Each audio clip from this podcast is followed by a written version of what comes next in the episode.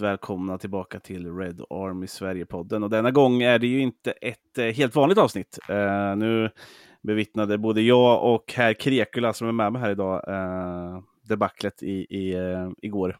I, igår säger jag, i förrgår. Uh, och det var ju inte så kul. Eller vad säger du Micke? Nej, nej, det var inte så kul. Det, det var liksom avstängningsläge i, i, idag igen. Ja, uh, man vet inte riktigt vart man ska. Men vi fick ju en liten födelsedagspresent igår och vi ska inte prata, prata övertagande av United nu. Men uh, i alla fall, vi vet ju att det är klart med, med uh, Sir Jim Ratcliffe och Ineos och deras minoritetsägarskap som, som då rapporterades klart av både klubb och alla stora medier igår. men det läm lämnar vi åt sidan idag. För idag Jajamän, vi dags... går mot ljusare tider kan vi säga. Och Precis. ljusare tider kommer vi prata om idag också. Ja, eh, framtid i alla fall. vi ska prata framtid idag och det är det här gamla heliga ungdomsavsnittet. Vi har vi kört en till två per säsong eller någonting sånt där. Uh, och uh, nu, nu kör vi årets i alla fall. yep. uh, och ser lite, vi har ju ändå Eh, Eh, på något sätt så, så tittar man eh, nedanför A-laget så känns det ändå som att det går helt okej. Okay. Framförallt när vi kliver ner på, på eh, U18 då, som är den yngsta åldern som rapporteras liksom, i system så att säga. Eh, sen finns det ju lägre som du säkert har koll på, men där måste man grotta lite mer för att få veta hur det går. Eh, men men eh, vi ska ju börja med vårt U18 idag. Och du Micke var ju väldigt duktig, du fick ut massa frågor. Du är ju våran expert gällande det här och en, en, en otrolig expert faktiskt på ungdomsfotbollen, eh, framförallt från rörande Manchester United. Eh, och vi ska börja med U18, ett U18 som bara flyger fram i sitt seriespel. Mm. Eh, om du bara får säga några tankar först kring, jag kan säga att de har spelat 10 matcher och har 30 poäng eh, utav 30 möjliga eh, på de här 10. Svårt att göra det så mycket bättre. Ja, precis. Galet bra målskillnad också. Ja, 34 mål framåt tror jag det var. Och, ja, 34 mål framåt, 6 insläppta. 28 plus. Eh, närmsta lag i, i deras serie. Nu får man säga att den här är uppdelad på två olika. Eh, Precis, det är norra och södra. Och då är det liksom geografiskt inräknat. Så då exakt, men... Eh, ut ungefär Ja, Liverpool och City är två och tre i den här tabellen och de har 21 respektive 19 poäng. Eh, mm. så att eh, de är... Liverpool är en match mer spelad också. Ja, och City är en match mindre ska sägas. Ja. Men de kan ju alltså komma upp på 8 poäng efter, eh, så 22. Eh, men eh, inte för att de är nära United på något sätt. Men vad, vad, vad har du att säga om, bara allmänt först då, om framfarten utav detta lag? Mm. Nej, men det är ju framförallt kul eftersom de sänder ju varenda match. Jag tror att de har sänt varenda match den här säsongen. Så att vi kan ju se det på MUTV framförallt, mm. så det är väldigt kul. Sen eh, är det såklart kul att de har vunnit alla matcher, tio raka segrar som sagt och ja, det är svårt att göra det så mycket bättre. nej, det eh, går sen, ju inte att göra det bättre. Nej, det hade varit att släppa in noll mål då.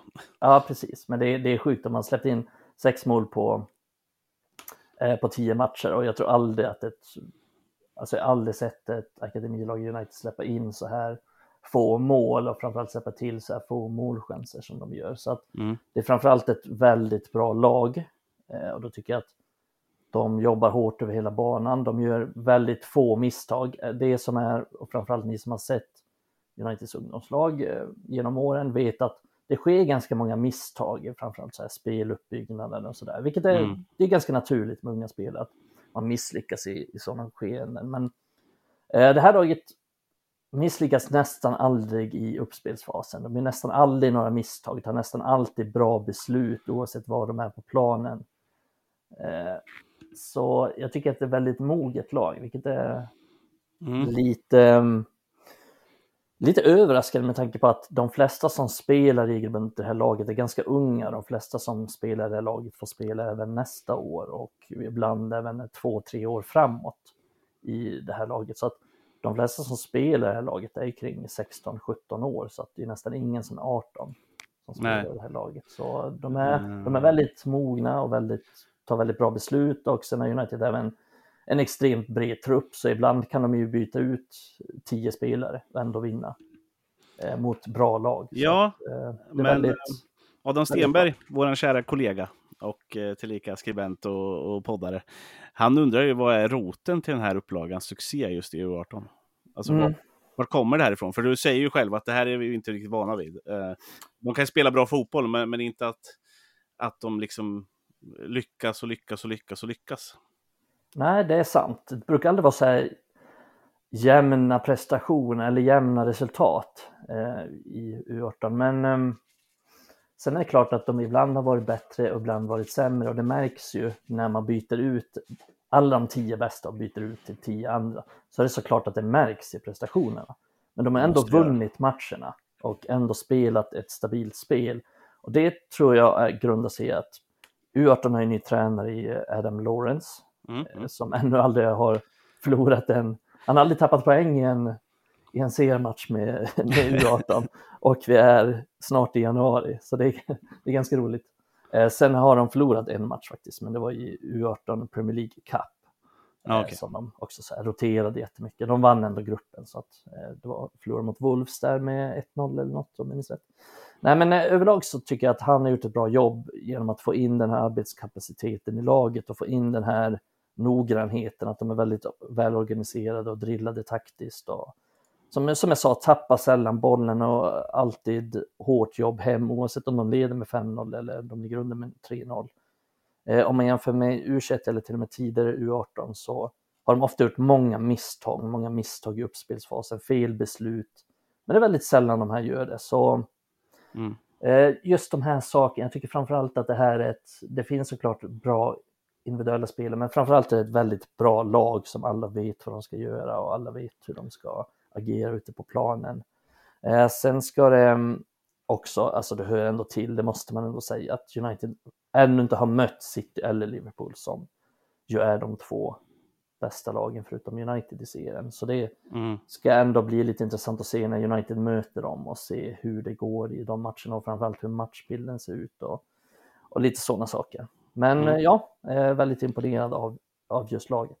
Hur, hur, ser du på, uh, jag är lite intresserad av just Adam Lawrence, han, han, han blev ju tillsatt som ny uh, U18-coach i uh, somras. Uh, och sen så har jag läst mig till bara att Colin Little har ju varit i United ganska länge. Uh, sen 2009 eller någonting sånt. Han ska vara assisterande manager. Sen har de Kevin Wolf och Matt Walker också som ingår i den där tränarstaben. Men just Adam Lawrence, vad, vad, vad har vi på honom då? Alltså är han en, en bra coach eller vad? Ja, men det, det verkar så. Det är alltid svårt att säga så här hur, hur bra tränare är. Framförallt spelar de ju inte så många matcher. Alltså. Eh, om vi ser till Uniteds A-lag nu så är det liksom vi är ju nästan 30 matcher in i säsongen med alla turneringar mm. inräknade, så alla matcher och sånt. Det finns så mycket mer underlag och mycket mer att bedöma och jämföra med och sådär. Men äh, vad det verkar så verkar han ju vara en, en väldigt bra coach och det är det jag menar lite så här att han verkar vara mycket bättre än de, än de föregående tränarna som där kunde man se att ibland fanns det talang och det fanns spelare som gjorde si eller så. Eh, ja, men ta till exempel United, United vann FA Youth Cup eh, tidigare. Mm. Eh, och då var det Travis Binion som coachade laget. Och då var det framförallt jävligt bra spelare, alltså Kobe Main och Dan Gore, Garnacho. Mm. Alltså det är bara att se på, på Garnacho nu och Main och nu. Och så, då kan man ju fatta att det är klart att de vinner U18-matcher.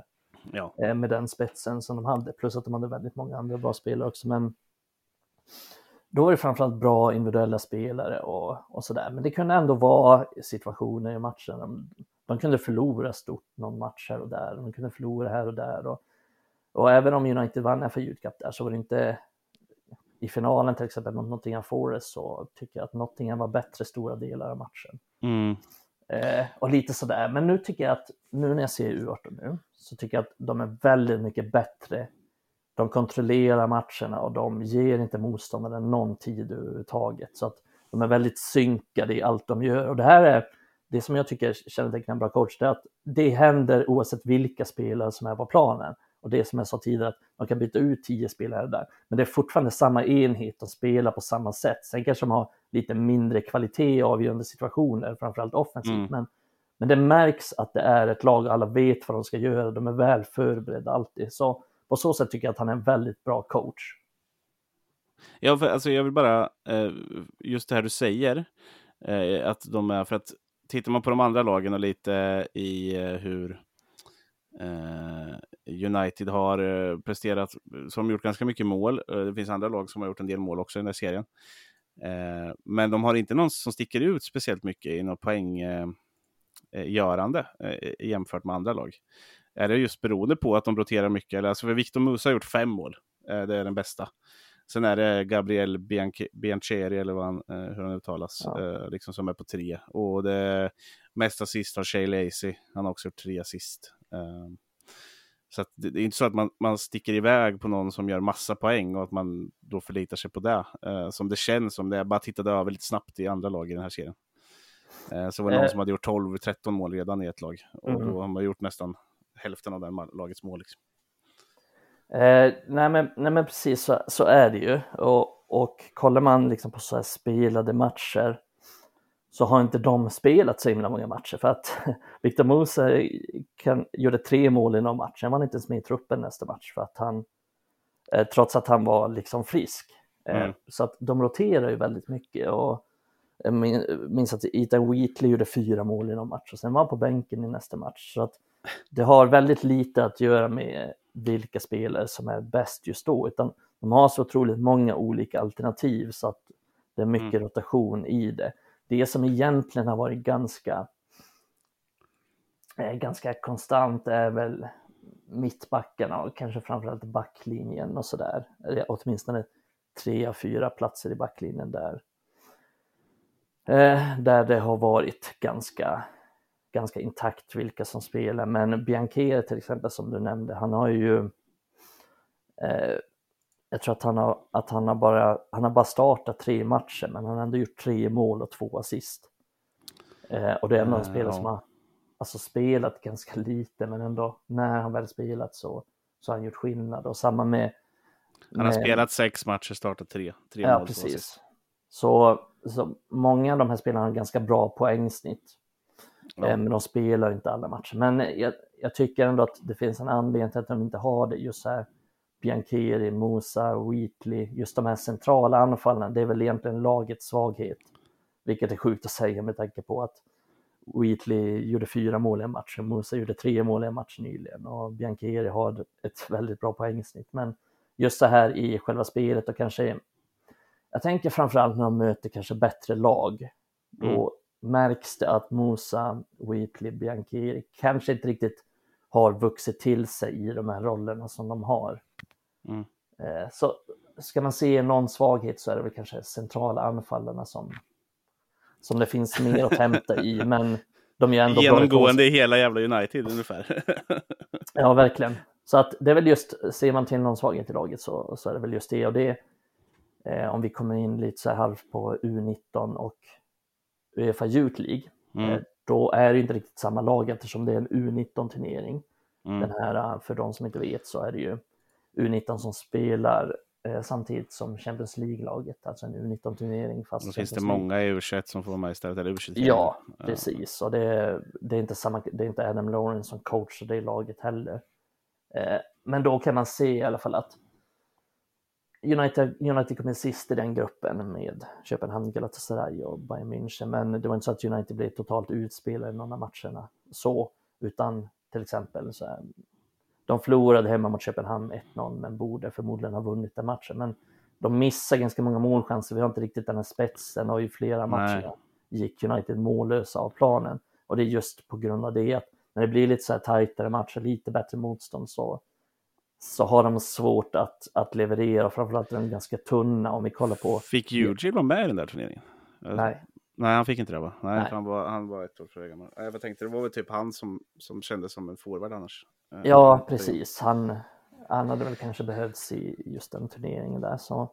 Nej, men eh, li, lite tunna, jag vet inte ens vad, vi, vad frågan var här, eller, men li, lite tunna framåt är de, även om det var nog du som gled eh. in på det där själv faktiskt. Ja, det var nog det. Även om några av dem har gjort ganska många mål. Men, men ja. det ser också till bredden där, att det finns att välja på. Att Wheatley kan göra fyra mål i en match, sen kommer Mosa in och gör tre mål. Sen kommer mm. Biancheri in och gör två mål. Så att det finns ju någon slags bredd där i alla fall, men kanske att den riktiga spetsen saknas lite. Ja, eh, och, och, om vi ska stanna till lite då vid, eh, vid Biancheri framför allt, för vi har fått en fråga från, eh, eller Staffan Nordin Söderlund har slängt in eh, flera frågor. Men eh, en av dem är om man undrar om Biancheri utvecklas som förväntat. Sen vad som förväntat är står över mitt huvud, men du kanske har koll? Ja, eh, han kom ju in ganska nyligen till klubben, så det här är en spelare som har kommit in ganska nyligt och han har ju som sagt bara startat tre matcher med ändå tre mål och två assist. Och mm. Vi har inte så mycket underlag på honom egentligen, men jag tycker han är en bra, en bra målskytt framför allt, en bra poängspelare, kanske mm. lite som Charlie McNeil om man säger så, men mm. att han har ganska mycket att utveckla i spelet fortfarande och framför allt så här med, alltså de här striker-egenskaperna som man behöver, det här med ryggen mot mål, targetspel, lite länkspel, eh, sådana saker som man behöver utveckla ganska mycket. Men för, han, för just nu så bidrar han inte så mycket i spelet, så han, han är en bra målskytt när lägena kommer fram, så här, men, men, han är inte direkt superinvolverad i matcherna om man säger så. Mm. Så att där har han utvecklat. Har vi, vi har ju lite andra frågor rörande spelare i U18 just. Um, uh, syskonen Jack och Tyler Fletcher, likaså Darren Fletchers söner, uh, befinner sig ju i U18. Det är väl någon som har gjort något framträdande i U23 också, om jag läste rätt. Uh, något enstaka i alla fall. Men de eh, är ju med där båda två. Hur, eh, och Stefan Lundström undrar eh, vad vi tror om dem och hur det går för dem. Mm, eh, också svårt att säga eftersom de har spelat så väldigt lite. De kom ju i somras från Manchester City. United betalade ju faktiskt en övergångssumma för att få hit dem. Eh, och eh, Tyler har jag sett ganska lite av, måste jag säga. Men han är ju han är, han är mittfältare och en slags, kanske lite mer offensiv än defensiv om man säger så. Men eh, Jack Fletcher har lite mer på för att mm han har också tränat med A-laget mm. eh, vid något tillfälle och jag tycker han ser väldigt bra ut. Mm. Eh, han är ju vänsterfotad, eh, egentligen så här samma position som sin pappa Darren. Mm. Men han är väldigt bra passningsspelare, både långa och korta spel, men framförallt väldigt bra på att värdera olika lägen tycker jag. Väldigt bra spelförståelse. Det tycker jag ändå sticker ut för att han är ju bara 16 år och det är ganska sällan man ser en 16-åring vara så bra på att värdera lägen. Du vet så här, när ska jag hålla i? Är det värt att slå den avgörande passningen nu? Nej, jag håller i den istället. Jag börjar om. Är det, alltså den typen av värderingar brukar spelare i den åldern inte vara så bra på. Mm. De kanske har kvaliteter att slå dem och då slår de hela tiden. Men de vet inte riktigt när de ska värdera och det tycker jag han är bra på. Sen vi såg ju tillsammans eh, en match där mm. Jonas tidigare mot Precis. Leeds eh, när United vann med 6-0 eller någonting sånt. Ja, det var en rejäl överkörning faktiskt. Det... Ja, och då var han väldigt bra. Då var det, minns jag när vi satt och kollade, det var någon jävla passning så här. Alltså man mm. såg inte att den här passningen fanns överhuvudtaget. Men han slår liksom en genomskärare från mittfältet mellan, mellan alla lagdelar och mellan flera olika spelare. En passning som jag, jag tänker på den än idag för att jag såg liksom aldrig den luckan. Ofta när man ser spelare så mm. kan man se, ja men slå den då, slå den då, lägg den där. Man ser, alltså vi själva ser passningen. Men mm. här var det som att det var ingen som såg den passningen på hela planen förutom han och den som löpte i djupled. Jag vet inte vem det var. Kanske var Biancheri till och med. Men, eh, men just det att han är bra på att värdera, bra på att se de här passningarna, väldigt bra på att slå dem också. Eh, så han är ganska lik sin pappa sådär i att han är inte jättesnabb sådär, inte, han är inte så himla rörlig om man ska säga, mm. han är mm. ganska stor. Eh, men han är väldigt bra på att styra spelet och, och slå de här passningarna och väldigt säker i passningsspelet. Vänsterfotad också, vilket är ett extra plus. Ja, det är det. Det är inte många som, som har den. Eh, känner man bara när man tittar på Uniteds A-lag. Inte mycket vänsterfötter är det inte. Nej, det är det inte. Bring back Daley Blind. jag är ju Luke Shaw i alla fall. Uh, och uh, ja, jag vet inte fan om vi får benämna Anthony som vänsterfotad. Väl... Martinez. Ja. Uh, men ja, han har Malaysia inte... och Region, ja. men annars är det inte så mycket. vi, har, vi har våra vänsterbackar då. ja. Ungefär där vi räknar upp. Ahmad. Ja, det har vi. Men han har vi faktiskt knappt sett i A-laget än, så att, eh, det, det, får vi väl eh, vänta och se lite. Eh, men, eh, eh var, nu tappade jag bort vad jag tänkte säga här, men, men det, det, är liksom, det är kul med de här två, men eh, vad, är det någonting liksom som vi tror på i längden? Alltså, tror du att någon av dem kan nå en Alltså så här, vi, vi har ju alltid diskuterat i de här sammanhangen att ja, men, slå sig in i United är ju alltid svårt. Mm. Att liksom det, dels så är det pressen bara på att det är Manchester United, det finns alltid en press, det ser man ju bara på spelarna som är där idag. Liksom. Eh, även att det är världsstjärnor så, så, så, viker de för pressen ibland av att bara mm. ha på sig den tröjan. Men, men att en, det är ändå många spelare, titta eh, James Garner till exempel, som ändå tar sig till Premier League-fotboll. Mm. Eh, nu spelade han ändå lite i Uniteds A-lag också, men, men höll väl inte hela vägen, och, och, men hamnar ändå i Premier League. Var, var, tycker du du kan se något i de här som gör att du tror att de ändå kan hamna på den nivån eller ännu högre? Eller? Ja, eh, bra fråga. Jag ska vara tråkig och säga att de har spelat, vadå, kanske, jag tror att Tyler Fletcher har spelat två matcher i U18 och Jack har spelat tre, fyra stycken. Så att det är väldigt litet underlag, så det, ah, det är extremt svårt att säga. Mm. Eh, men jag tycker ändå att Jack framförallt då är en av de bästa i laget och det som är imponerande är som sagt att han är en av de yngsta och kommer till en ny klubb, även om mm. kanske inte är jättestor omställning. Han känner säkert redan folk i laget och hans pappa jobbar i klubben och han är född i stan och sådär. Så, det är ingen stor omställning så, men det är ändå någonting att komma till, ett, till en ny klubb och ta så stor plats direkt som han har gjort. Så att där är jag ändå väldigt spänd på att se och han är ju en av dem som det snackas allra mest om i akademin just nu eftersom han har kommit in så bra och tagit en så stor plats och eh, även när, det tycker jag man kan se också sen när United spelade, eller U18 spelade på Old Trafford i FA Youth Cup mm. eh, när de vann mot Derby för någon vecka sedan. Och då kan man också se vilka är det som ta för sig när de väl kommer till den här stora arenan och ganska mycket publik också. För de är inte vana att spela under publik, de spelar ju på träningsanläggningen Carrington och där är det ju bara liksom föräldrar och bekanta som är där så att det är ju mm. liksom 20 pers och kollar. Men när de väl spelar här på Trafford så är det ju ändå, alltså det är ju, det är ju flera tusen där och det är en jättestor plan och det är en det är en stor grej. De kommer in på planen i den här matchen med sina blazers på eh, och står och granskar planen där. Och då ser man ju allt så här, vilka tar för sig. Och det, det, man kunde se tidigare år var ju till exempel att Kobe Maino tog för sig väldigt mycket och framförallt Garnacho. För Garnacho i U18 den säsongen gjorde nästan alla sina mål i FA Youth Cup och nästan alla sina mål på Old Trafford. Så han, när han mötte liksom så här Middlesbrough på Carrington så gjorde han inte så mycket egentligen. Nej. Men när han väl kom till de här stora arenorna så såg man att he's a star. Mm. Eh, och det lilla vi har sett nu av det jag ska komma till är väl att Jack Fletcher var bäst på planen i den matchen på Old Trafford mot Derby som United vann med 1-0. Mm. Eh, och då kan man se lite så här, vem tar för sig när de kommer till de här stora arenorna och det tycker jag är ett gott tecken vad gäller hans mentalitet. Mm. Eh, men sen som sagt, vi, vi, vi får se. Han ser väldigt spännande ut och är en av de mest spännande spelarna skulle jag säga i U18 just nu. Mm. Eh, jag tänkte vi kan väl nämna lite andra spelare också som har, jag vet att du till exempel har hyllat eh, eh, eh nyförvärvet egentligen då från eh, Watford, Harry Amas på vänsterbacken.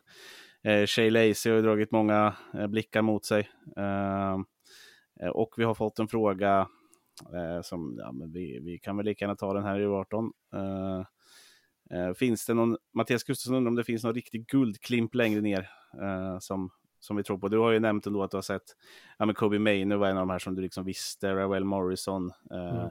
Paul Pogba, liksom, spelare, Mason Greenwood som ändå dominerade liksom från nästan mm. scratch. Eh, vad, har vi någon sån där nere som du, som du tror på väldigt mycket? Ja, det är lite tidigt att säga och jag tycker kanske inte att någon är liksom Kobe Maino bra eller Paul Pogba bra än. Så, mm. så att man tydligt kan säga. Eh, men, det, men, det, är också, ja, men det är också svårt. Men eh, jag tycker ändå det finns några som, som ser väldigt bra ut och de är framförallt några av de yngre spelarna som Amir Ibrahimov till exempel som är mm. väldigt bra. Han har ju varit skadad. 15, ja, han har varit skadad stora delar av den här säsongen, så han har inte spelat någonting med U18 den här säsongen. Men han debuterade ju förra året, eller förra säsongen, när han bara var 14 år. Mm. Eh, och som sagt, han är bara 15 nu, så han är född 08. Eh, men eh, han ser väldigt bra ut tycker jag, för det är en och sen så här ytter slash offensiv mittfältare slash släpande anfallare som är, som är väldigt kreativ och gör mycket poäng och så här. Sen har han ju också två bröder i klubben som också har varit i City tidigare. Och sen mm. en storebror som är någon slags MMA-fighter. Så att de eh, verkar vara en lyckad familj rent sportsligt. Han är ju rysk bakgrund också. Mm.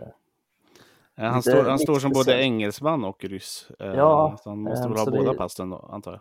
Precis, så det är, ja, det är lite speciellt. Men det är en spelare som är, som är väldigt spännande och som, som sagt, spelar man med Uniteds U18 när man är 14, då är man någonting speciellt. Mm.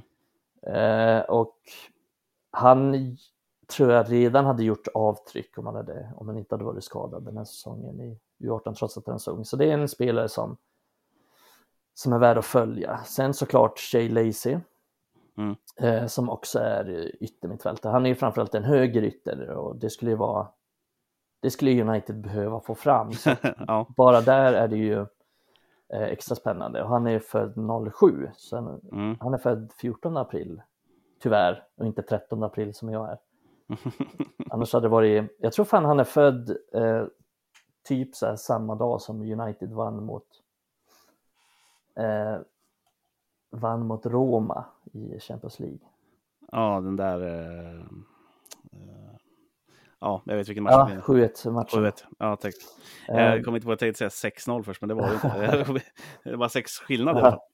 Nej, men eh, ja, det kan vara fel på någon dag där, men han mm. är född då, någon dag i dagarna.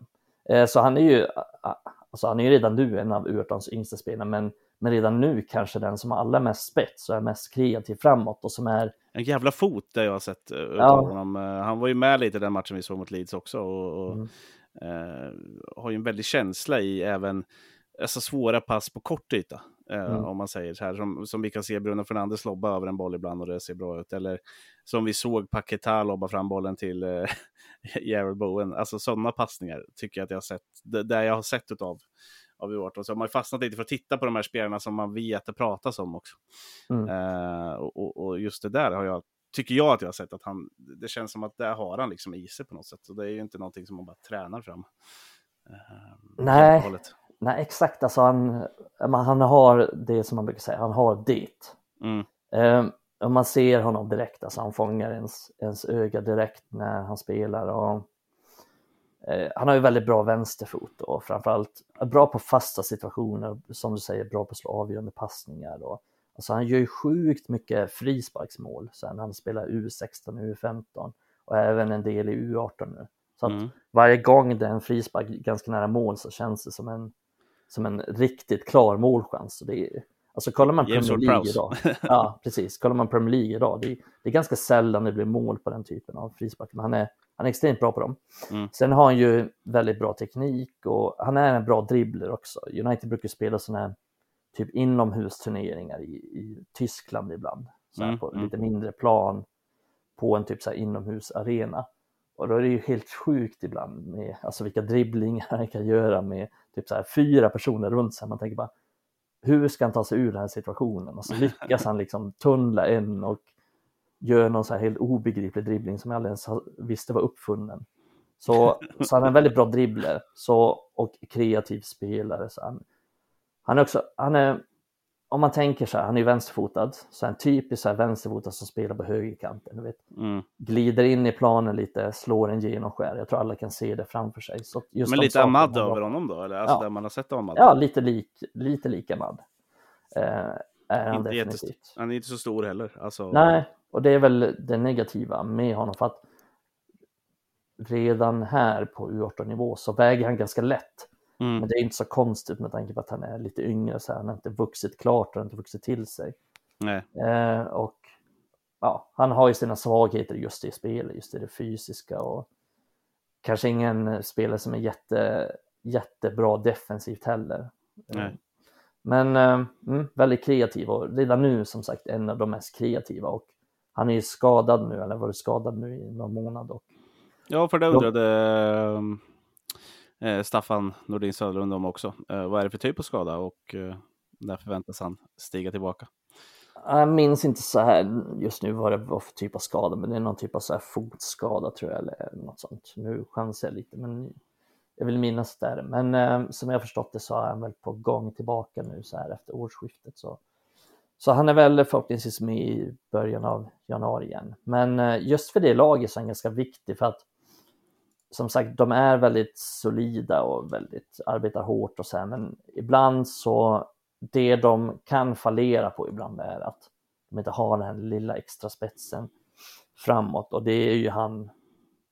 Eh, han, han är ju en som bidrar med det och har saknats mm. väldigt mycket, även om de har vunnit utan honom så, så märks det att han, han skapar väldigt mycket för andra.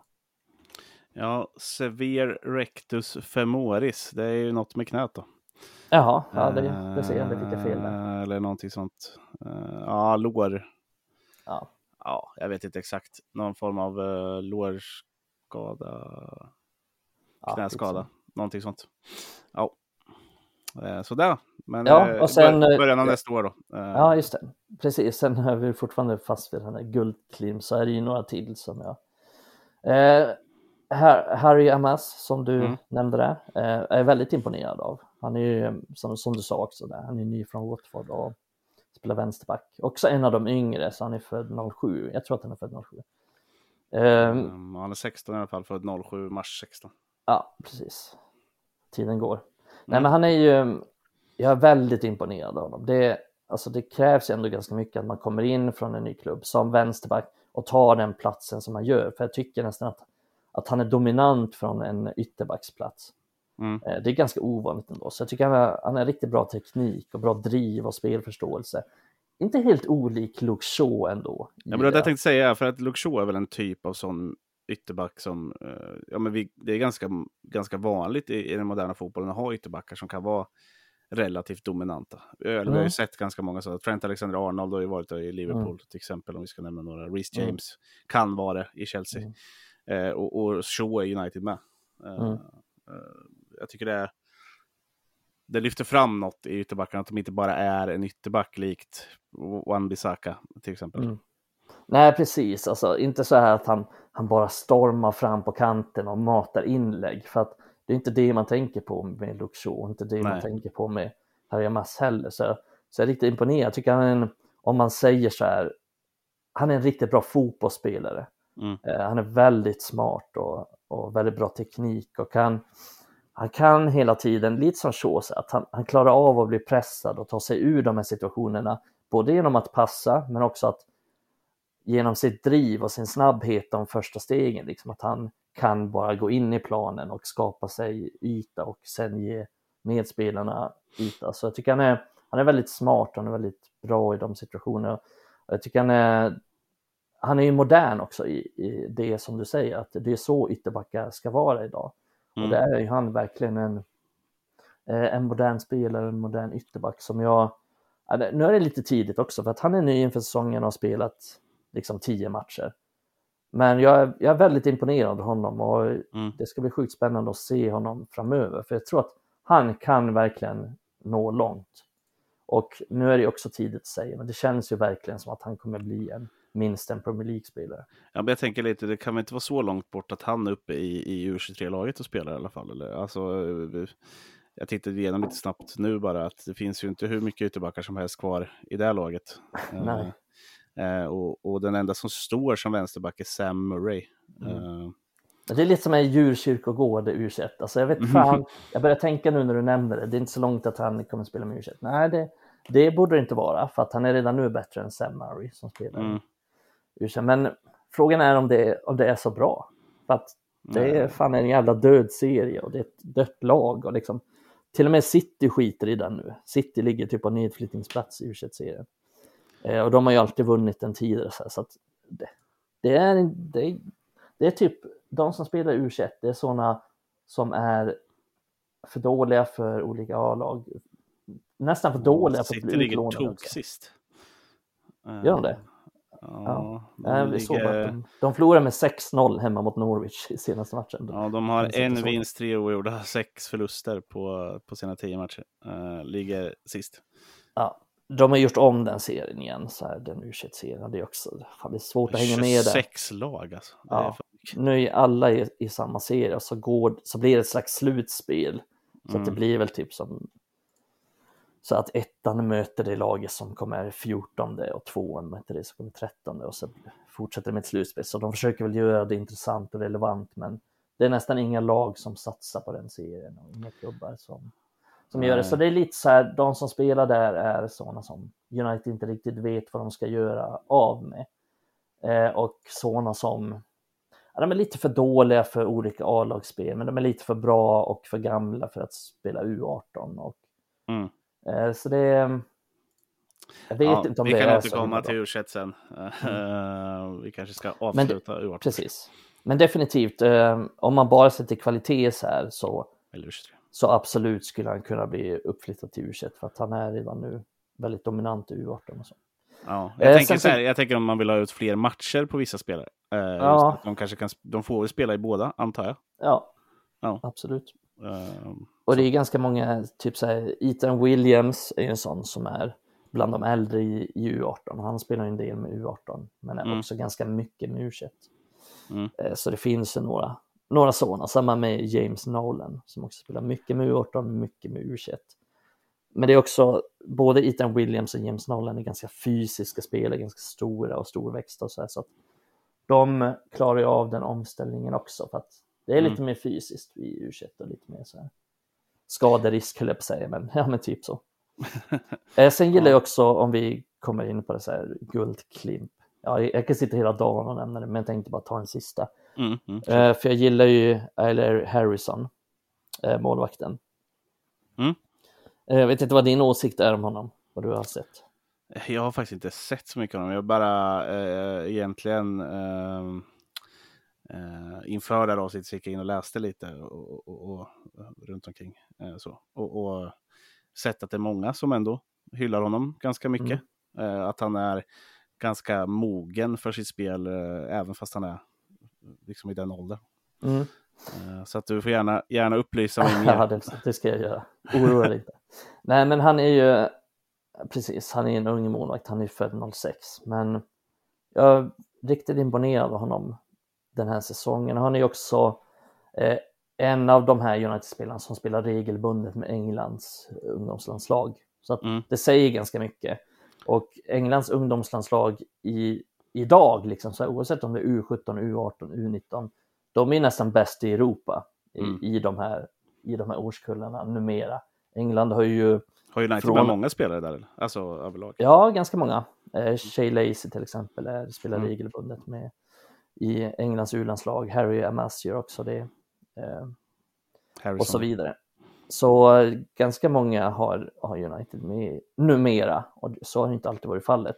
Men det är Mm. ganska hård konkurrens för att om vi ser på, på de här lagen som har producerat många bra spelare de senaste åren, som Chelsea och City framför allt. Eh, Så då kan man räkna ut att det, det är väldigt hård konkurrens i de här lagen och tidigare så har ju Englands U-landslag inte varit jättebra. De, ham, de hamnade efter lite i utvecklingen. Men nu är ju snarare, nu är England nästan ledande på de här fronterna och de Ja. spelarna som England får fram och som United får fram, om vi kollar på så här Kobe Main och Dan Gore som vi kommer att prata om senare, så här Shay Lacey, de har ju extremt bra teknik.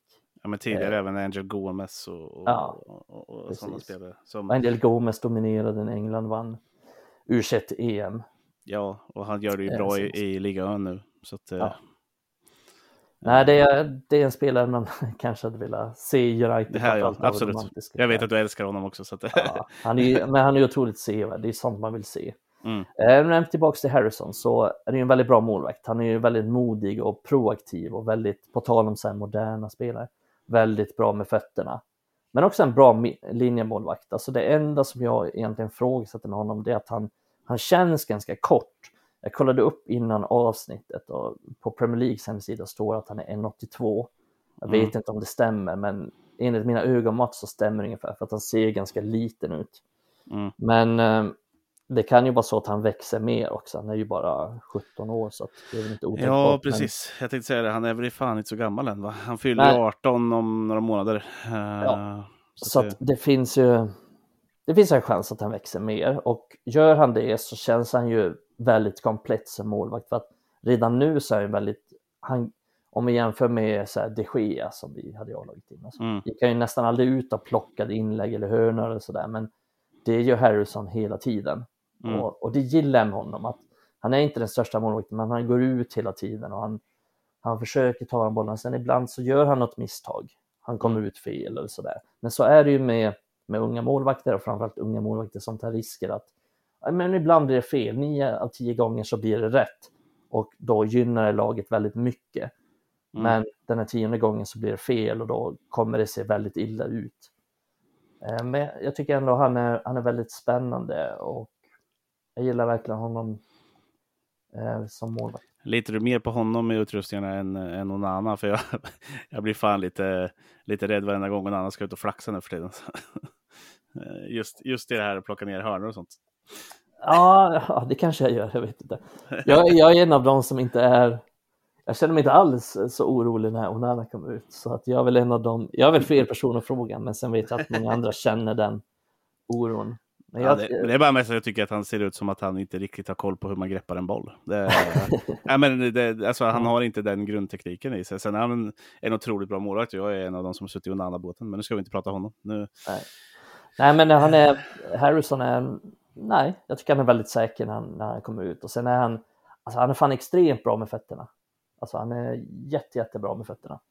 Mm. Eh, så att, och det är också en del av, av U18s eh, framgångsrecept. Nu har ju Harrison spelat ganska mycket med U21 också och eh, United har en annan målvakt i U18 som har spelat ganska mycket som heter Tom Miles. Mm. Eh, som jag också tycker är bra faktiskt. Men både Miles och Harrison är extremt bra med fötterna så att de kan hela tiden spela sig ur situationer, kan hela tiden spela hem och de gör nästan aldrig några misstag med fötterna. Visst, de kan slå en så här en dum passning någon gång som sätter någon i skiten. Så här. Men mm. det är ganska sällan de slår bort, slår bort enkla bollar eller slår de här bollarna rakt på en motståndare, utan de är väldigt säkra och det tror jag är en stor anledning till att U18 har släppt in så lite mål också. Mm. Det är bättre än Johan Guadagno var där alltså? I... ja, han var inte jättebra med fötterna. Nej. Eh, något som han ändå annars eh, faktiskt eh, skrevs upp som att han var en bra spelare med fötterna från början. Eh, kommer jag ihåg när vi satt och pratade om honom. Eh, nej, har du någon mer eh, spelare du vill nämna? Annars så, jo, vi har ju förresten en som vi kanske ska nämna då för att eh, Staffan Nils Söderlund som jag sa eh, ställt ganska många och han nämnde ju att eh, har Kukonki det bästa namnet på länge och, och eh, här kan jag gå in och säga att Goodwill Kukonki är ett av de bättre namnen just nu faktiskt. Det är, eh, eh, ja, ba bara på grund av det så vill jag ju att han ska slå igenom så man får se Goodwill Kukonki spela i eh, Uniteds A-lag. Han är mittback om jag förstår rätt, alternativt mm. att han har spelat någon vänsterbacks eh, mm. match också. Ja, han har väl gjort två matcher den säsongen, så att han brukar, han är mittback i grunden, han, mm. men kan spela ytterback vid vissa tillfällen. Men han är också en av de här som är Eh, som egentligen är ganska hypad för att han är ju, Också han är bara 15 år som sagt och gör, gör redan nu eh, U18-matcher som försvarare. Det mm. tyder ju på att han är ganska högt aktad i klubben och ganska mogen för det ansvaret som det ändå innebär att, att vara en försvarare i ett lag vid en ung ålder. Mm. Och jag, alltså, något jag slås över utöver liksom eh, att vi pratar om specifika spel och så, det är att som du nämnde förut, vi har, det är nästan genomgående bara brittiska spelare i, i laget mm. eh, Några det har lite, ja, det är lite dubbla, dubbla medborgarskap. Eh, mm. Men, eh, och det är väl egentligen, om jag tittar så, bara Biankeri som in, och Will Murdoch som inte har England med som, eh, att de har ett engelskt pass. Eh, de, ja, han är eh, walesare och nordirländare. Eh, ja, men precis. Men så här, Kingdon och Jackson är, är ju skottar. Ja. Valt mm. att spela för Skottland. Och Jack och Tyler kan man väl tänka sig också då, kan bli skottar. Eller de har ju Ja, kan det bli, men det kan bli två olika där. Ja. Jag vet att Jack har spelat för England nyligen, så det verkar som att det väljs England där, men vi får väl se. Mm. Nej men, eh, nej men så är det ju. Alla de här är ju, jag ska inte säga lokala, men alla de här är ju, det är ganska många från Manchesterområdet och sen framförallt sådana som är födda och uppvuxna i England mm. eh, som, som spelar i laget och det beror ju på Brexit såklart, att United inte får värva spelare utomlands som är, som är under 18 år. Och det har ju sakta men säkert förändrats det här med, om vi går tillbaka till den här FA Youth Cup-vinsten, så fanns ju bland annat så här Garnacho, Radek Vitek och mm. den typen av spelare som kom från Tjeckien eller kom från Spanien då som Garnacho gjorde och, och så vidare och så vidare. Men nu är det ju bara, ja, men det, det är bara britter kan man säga. Och det kan vara en stor anledning kan jag tänka mig till att de just eh, engelska landslagen och allting annat eh, höjs också eftersom det här gäller ju alla klubbar, det gäller ju inte bara United. Eh, eh, men också att man märker att det blir ett stor jävla dragkamp bland de, de här klubbarna som har bra akademier, alltså City, United, eh, Liverpool till viss del, West Ham och, och sådär. Ja. Så märker man ju att det, en del spelare byter ju klubbar nästan varenda säsong eh, mm. utav de här yngre. Som Harrison han... Parker som ja, gick precis. från United till City. Och han kom väl från Arsenal? Kom från Arsenal till United. Eh. Nej men så är det ju. Jag läste intervju med, med Nick Cox som är akademichef. Mm. Eh, han sa ju också just det att det är sån jävla konkurrens nu och inte bara det att liksom City är bra på ungdomsakademi eller City kan ju locka till sig många för de har mycket pengar, de har bra anläggningar och såklart att mm. deras ungdomslag har gått bra, såklart A-laget också.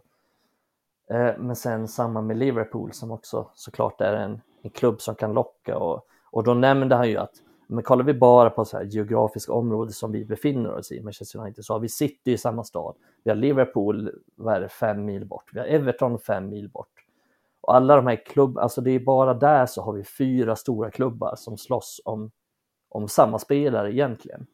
Sen finns det ju såklart jättemånga klubbar i, i närområdet eftersom England är så komprimerat och så litet och så här, bra akademier som ändå Nottingham Forest och Wolverhampton och så vidare och så vidare. Det är inte långt till de klubbarna heller.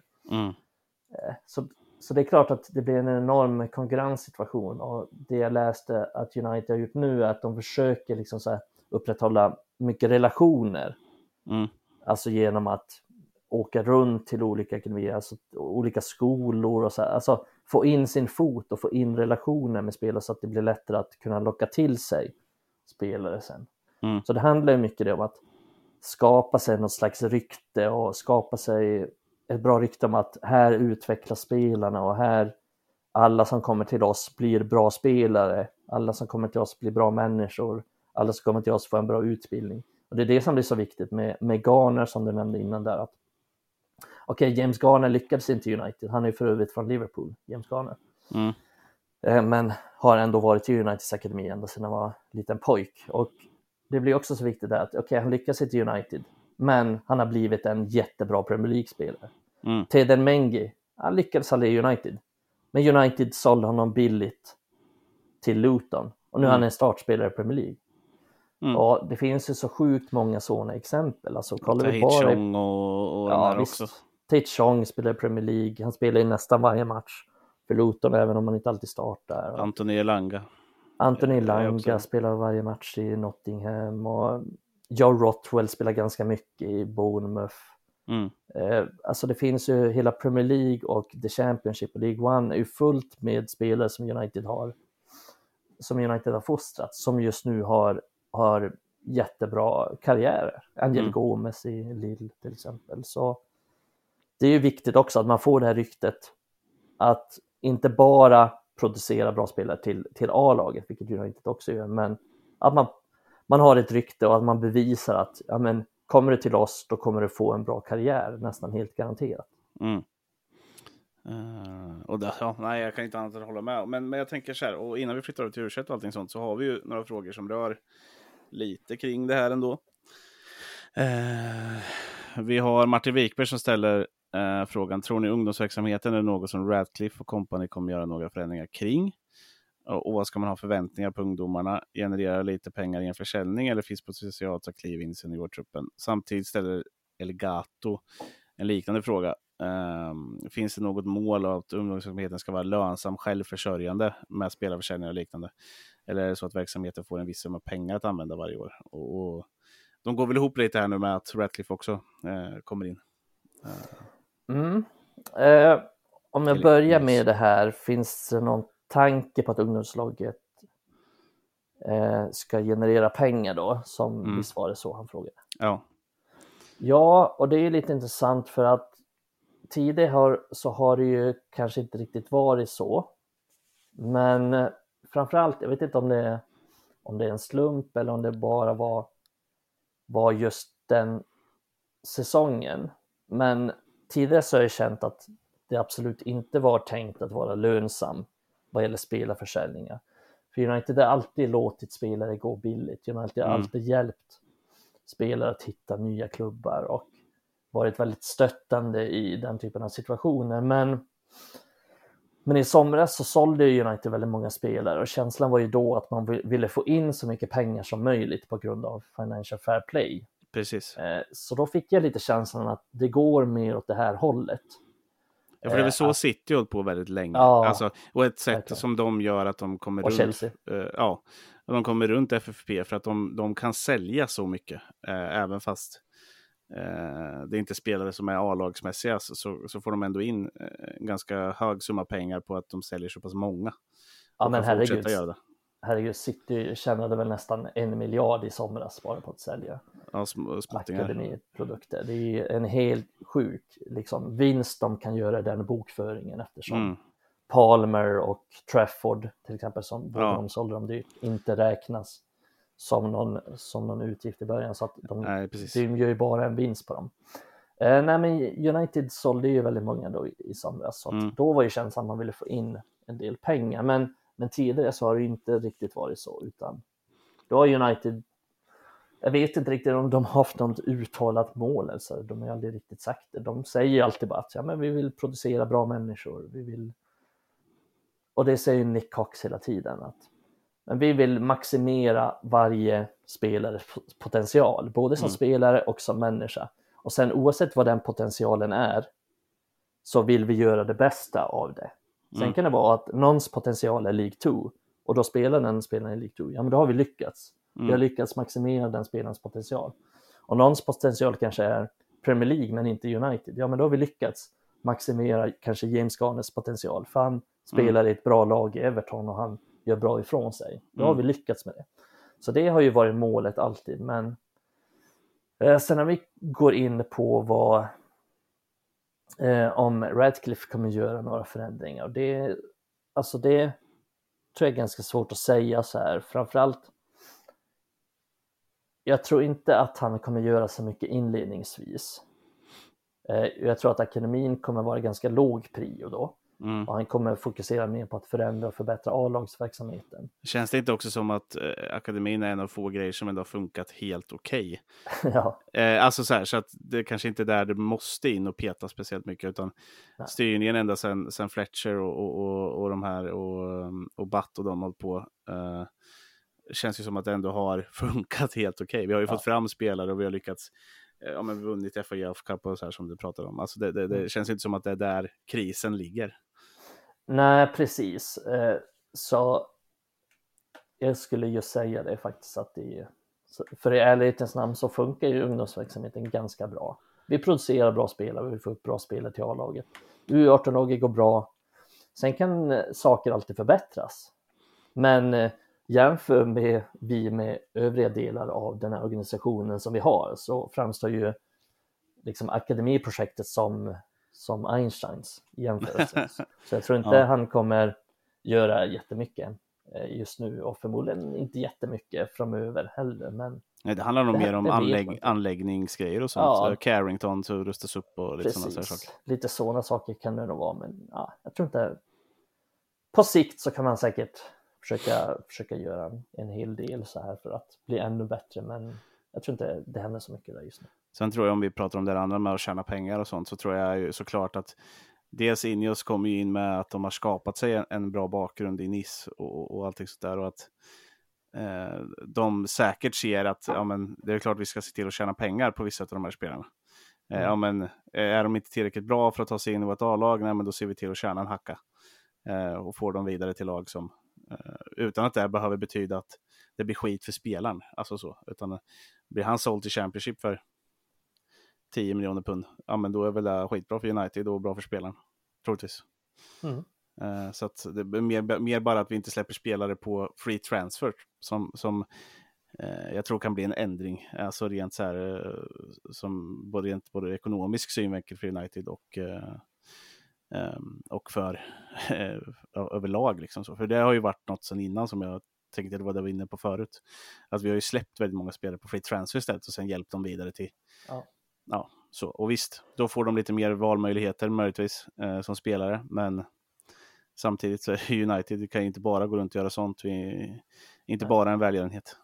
Nej, och det har ju United varit ganska dåliga på innan så här att men, ta exemplen på, på till och med en som är kvar i klubben nu, Brandon Williams, att mm. kanske att när han väl slår igenom att försöka inse att han kanske inte kommer bli bra nog för United. Det kanske är läge att vi cashar in på honom mm. istället för att bara nej, nu ska vi satsa på honom. Vilket ändå, alltså, det är svårt att klaga på det för det är ändå fint gjort, det är en fin tanke. Men mm. att ha den här fingertoppskänslan, samma med Tuansebe kanske. Och det finns jättemånga olika exempel på spelare vi haft kvar ganska länge som vi till slut bara släpper på free transfer som mm. är Tuansebe och det är så som det är så det kommer hända med Williams också som är utlånad nu. Ja, eh, och jag kan tänka mig en sån här som faktiskt nu, vi ska prata om honom sen, men Willy Kambwala mm. kanske inte har det där tipptopp i sig. Uh, nu, nu, vet du mer om honom så du kommer få prata om honom sen. Men, men, men en sån spelare skulle kunna vara så. Nu har han fått göra en A-lagsdebut, han har fått spela en Premier League-match. Det är klart att det höjer hans värde. Uh, mm. Och kan man sälja honom till Frankrike eller någonting sånt eh, så, så, hade ju det såklart varit att ta, eh, skulle jag gissa på. Ja, eh. precis, alltså att man tar den typen av beslut. Men det handlar också om en, en trygghet i organisationen att mm. analysera situationen och det känns inte som att United har gjort det alla gånger utan mest gått på feeling om att ja, men det är, det är kul, nu får vi upp en ungdom och nu ska vi satsa på honom, men inte riktigt mm. tänkt igenom det och tänkt att är det här en spelare som passar in i vårt sätt att spela? Kommer han göra laget bättre? Kommer han ha en framtid här? Om man analyserar, ser det i det större perspektivet. Mm. Eh, det har väl inte riktigt United gjort och det kanske City gör bättre med tanke på att de säljer spelare som, som Trafford och ja, nu framstår det framstår nästan lite som ett misstag av dem att sälja Palmer men med tanke på hur mycket de fick så kanske det var rätt ändå. Ja, men, men... ja precis. Uh, och tittar man på, på deras uh, uh, alltså bredd på spelare så, så, får man den summan pengar för den typen av spelare. Ja, jag, jag tror nästan alla lag hade sålt honom då. Ja, som inte har gjort någonting i A-laget egentligen. Nej, så att nej, det, vi får mm. väl se när det gäller det. De kanske ångrar sig framöver, men, men ändå. ja, de har gjort väldigt många sådana försäljningar där med Lavia till SA-15 som nu är i Chelsea och sådär. Så. Mm. Ja, men de har ju bra täckning. Så. Precis. Vi kan väl ta en fråga till som egentligen rör hela ungdomsdelen. Ja, två frågor har vi faktiskt. Eh, finns det någon tanke på att ungdomslaget ska spela likt A-laget under Elgato? Eh, tänker typ om ungdomslaget har en coach som spelar likt Burnley. Eh, nu, nu, antar jag att han menar gamla Burnley, då, så vi säger Everton istället. Eh, och A-laget spelar tiki-taka etc. Mm. Förstår du frågan? Eh, ja, det gör jag. Eh, jag tänker väl att det finns en liten tanke med det. Eh, för att Ten Hag har ju velat ha mer kontroll över ungdomslagen och velat att de ska spela på ungefär samma sätt eller åtminstone liknande sätt. Mm. Och det tycker jag vi ändå kan se, framförallt i U18, att de spelar med ganska hög press, de är väldigt intensiva. Eh, men ändå ganska bra, upp, bra uppbyggnadsspel, men ändå ganska raka i sitt spel, vill skapa chanser ganska snabbt.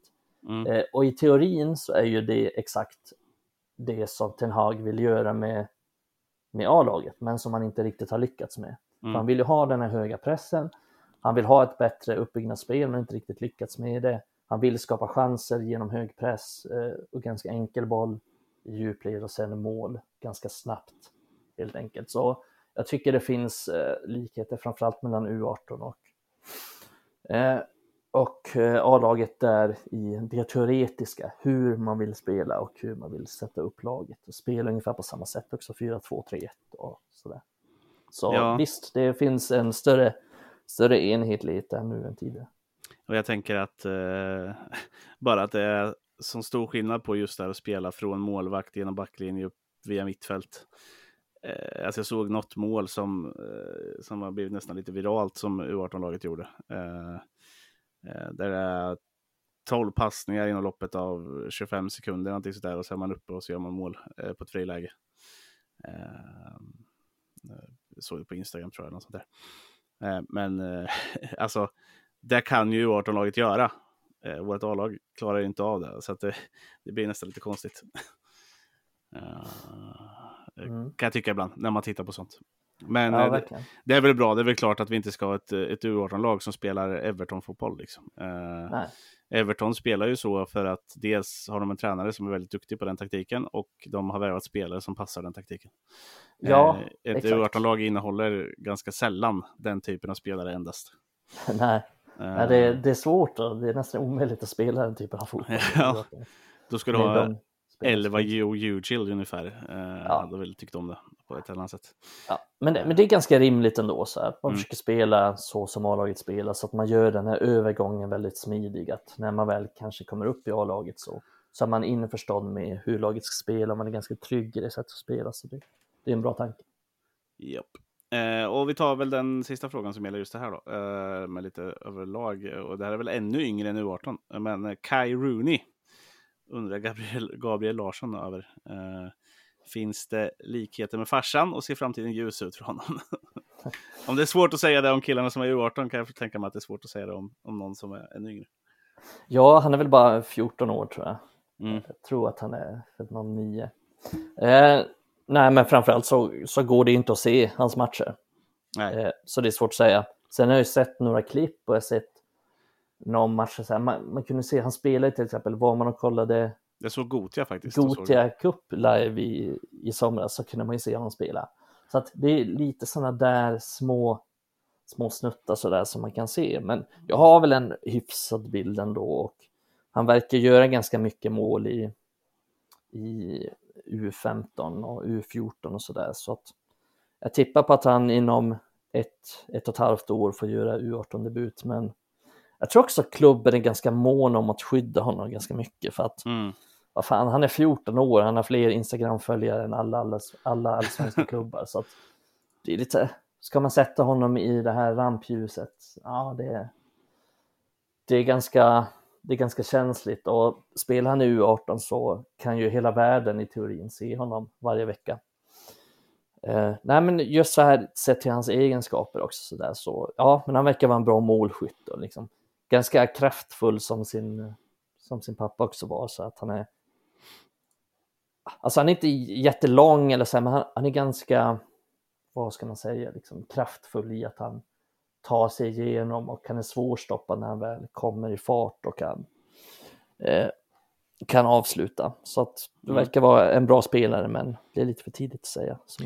Ja, alltså det, det jag såg av honom i Gotia så tyckte jag väl att det, det kändes ju som en, en mini, mini av Wayne Rooney som sprang runt där. Eh, mm. Sen är det svårt att säga vad det utvecklas till rent tekniskt och så. Här. Rooney var ju en, ett, ett under i sig eh, med den, att kunna ha den tekniken i den farten och den styrkan. Liksom så. Så det, men det är väl klart, han har bra gener att leva på.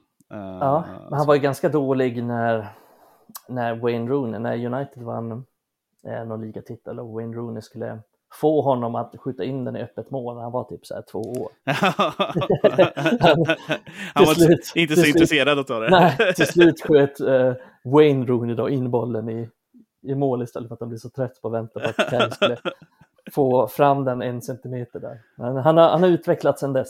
Ja, det har han. Uh, och verkar ha utvecklat intresset för bollen också. ja, det, han verkar inte vara så intresserad. Det har kommit.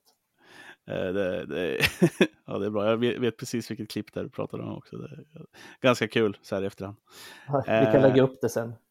Eh, ja, om vi, vi, hittar det och sen så lägger vi upp det. Ja.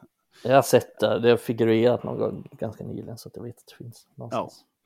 Eh, bra, bra, bra. Men om vi ska in och prata lite mer av de som åtminstone borde ligga närmare A-laget då.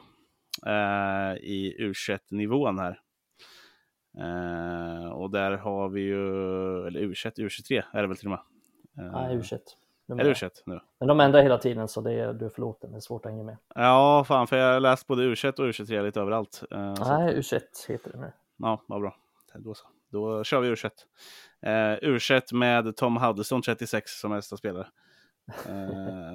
Men de har väl, vad är det, är det tre överåriga de får, eller fem överåriga eller något sånt där? Eller? Ja, det är väl tre eller fem eller sånt där. Ja. Alltså det är typ tre plus en målvakt eller så. Mm.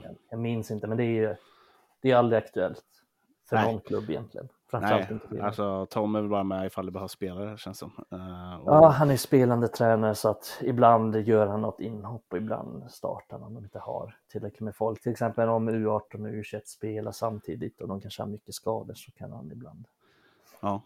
fylla upp en lucka där.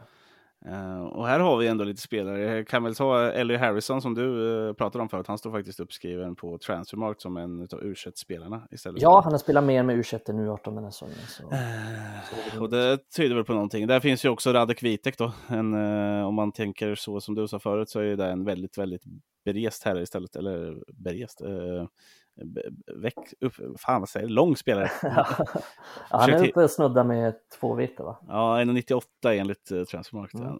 Då har han säkert två meter nu. Han ja. har vuxit sedan julafton. Precis. Uh, ja, men 20 år i check, han är ju inte heller jättedålig. Jag tyckte faktiskt inte... Nu sålde vi Kovar va? Mm. Uh, och är också en, en helt okej okay målvakt. Men också lite så här vi pratade om förut, att uh, vi fick in lite pengar på honom. Eh, ja, det, det var en liten cityförsäljning kan man säga där. Fick in mm. ganska mycket pengar för honom, även om jag börjar bli lite orolig att kanske kunna fått mer eller kanske till och med kunna ha kvar honom. Men mm. det är en annan diskussion. Det är en annan diskussion sen. Men vi har ju lite andra spel som vi har sett uppåt. Kobe Maynard står ju uppskriven här då, men, men han får ju räknas som en A-lagsspelare nu och kanske inte någon vi behöver prata supermycket om här eftersom vi har gett honom ganska mycket tid i, i den vanliga podden. Uh, men Isak Hansen, Aron, uh, Shola Shortire, Shortire eller hur han uttalas. Ja. Dan Gore har vi sett, Maxi och Idele såg vi en del på försäsongen. Uh, och Mary Forson, Joe Ugil med, var ju någon jag nämnde förut. Mm. Och uh, tittar man på Willy Kambala då, samt Rys Bennett till exempel, och var ju med sist här nu i, ja i Kavala spelar ju Bennett var med på bänken. Eh, men vad, vad, du sa ju själv att det här var en litet typ High Chaparral-lag, ingen som riktigt bryr sig om serien. United ligger tia i tabellen.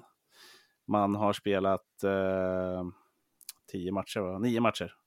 Står på 14 poäng och 11 plus i målskillnad.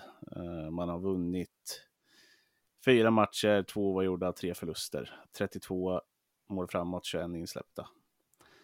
Eh, vad, vad har du att säga ja. om det här överlag? Ja, det säger ganska mycket om, om det idag. Jag snittar över två insläppta per match, men mm. gör också över tre per match eller något sånt. Mm. Eh, så att de flesta matcherna de spelar slutar väl 3-3 eller någonting sånt, eller 3-2 eller 2-3 eller ibland vinner de med 8-0, ibland förlorar de med 6-0. Mm. Så det är, väl, det är väl väldigt ojämnt, så att det känns inte som att de får någon jämnhet i prestationerna och det känns inte som att som att spelarna som spelar där är så motiverade. Om vi tar eh, Chola Shorter till exempel. Mm. Han kan inte vara motiverad när han, han spelar de här matcherna. Och det tycker jag märks så här, eh, det lilla man har sett, det, ska ändå, det hör ändå hit att de har spelat, vadå, tio matcher sa du? Mm. Eh, nio. nio. Ja, de har säkert spelat någon kubbmatch eller något ja, också. Hur många har vi sett? Alltså det, om man kollar antal tv-sända matcher så kanske det är, det är max två matcher som har sänds på tv. Mm. Så att jag har egentligen inte sett särskilt mycket av dem och ingen har egentligen sett särskilt mycket såvida de inte har varit på Lee Sports Village och kollat på matcherna. Så det är, det är väldigt svårt att säga så här konkret att men man får en ganska bra bild av highlights som de kommer med efter matcherna. Men man, jag har också en ganska bra bild av hur U21-serien har sett ut genom åren och och, och lite sånt. Och det känns inte som att de är så, de som spelar där är inte så motiverade, de är oftast i, men ta till exempel Matteo Mechia som är 03 mm. liksom. Han ska spela A-lagsfotboll, mm. men han har varit skadad mycket och är egentligen bara i United nu känns det som för att bygga upp sin, sin fitness och kommer förmodligen släppas efter säsongen. Ja, uh, många... han kom väl samtidigt som Garnacho de här va? Ja, den... någon gång då. Kanske lite innan också, minns inte riktigt. Men nej, han kom nog innan. Men eh, något år innan eller så. Men eh, det är ju mest den typen av spelare och Sam Murray som du nämnde innan. Mm. Också, han är, jag tror att han är 04. Oh. Men han är också en sån spelare. Han, han kommer inte bli kvar länge i United. Han kanske försvinner efter säsongen. Ja, men jag tänker det... de som är 03 till exempel, det är ju Ugil. Eh, han har väl ändå varit uppe och nosat och tränat med A-lag och sådär och, och varit med på bänk. Men Meshia, eh, mm. sen har du Bennett också. Mm.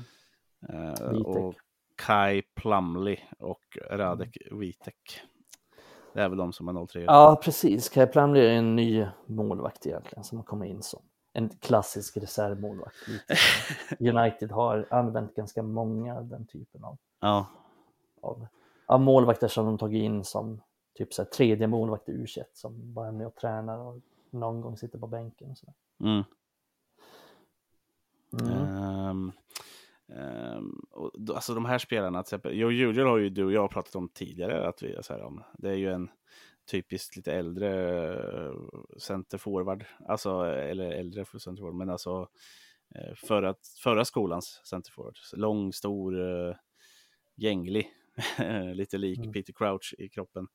Alltså det, som de här, de här spelarna, ja, men det är ganska såklart för mig i alla fall att det, det kommer inte bli några United-spelare utav de där vi har nämnt här, alltså Bennett, nej, nej uh, Ugil, nej, Vitek, Nej, alltså, nej. Förmodligen men, inte. Nej, men samtidigt så känner jag så här, han skulle lika gärna kunna sitta på bänken i år så, som... Uh, ja, han har varit skadad typ hela säsongen. Ja. Så det, det, är mycket sånt där också.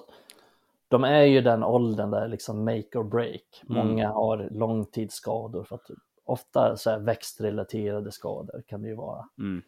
Eh, de har svårt att få någon rytm och de, de hör inte riktigt hemma någonstans för de platsar inte riktigt i Uniteds ålder. De är inte där och knackar på dörren de är, de är inte riktigt heller så här, inte riktigt bra nog för att bli utlånade eller så här, riktigt fysiskt starka för att bli utlånade. Mm. Eh, så då hamnar de i den här serien som, som är en djurkyrkogård. ja, eh, om vi ska ta Kambala lite senare då så, så kan vi väl nämna de här andra som ändå har varit och knackat på dörren. Vi har mm. ju Eh, ja, men Isak Hansen Aron får vi väl ändå benämna. Han var ju med hela försäsongen. Eh, Shola Shortire har ju varit med förut. Eh, och var ju med på försäsongen också. Eh, Dan Gore framför allt har ju ändå spelat till och med i A-laget i år. Mm. Eh, och Omari Forson eh, är väl de fyra som jag hittar här som är utöver Kambala som, som liksom ändå varit uppe och knackat lite. Mm. Man åtminstone gläntat in i omklädningsrummet. Uh, vad, om vi börjar med Forson då. Uh, vad har vi där? Eh, tror vi att det kan bli något. Han blev ju ganska sågad från i alla fall vissa svenska håll, läste jag på Twitter, efter försäsongen. Det där kommer aldrig bli något. Sälj honom direkt. Ja, lä, läs inte på Twitter. Nej.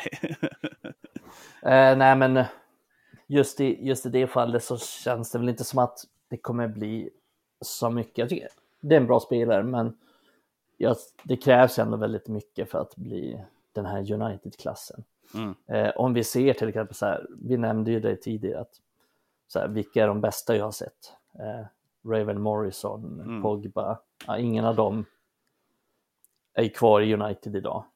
Eh, och det går inte jättebra för någon av dem just nu eh, heller. Så det krävs ju någonting extraordinärt egentligen för att ta sig upp. Men samtidigt så har Scott McTominay gjort det så, så det är ju det handlar mycket om timing, om tur, vilken spelartyp du är, vilken speltyp som premieras av tränaren. Ja, precis, vilken A-lagstränare som är där. Ja, alltså mycket sådana saker. Men ser vi bara rent kvalitetsmässigt så, så tycker jag väl inte riktigt att Omar Fordson har, har tillräckligt eller visat tillräckligt heller.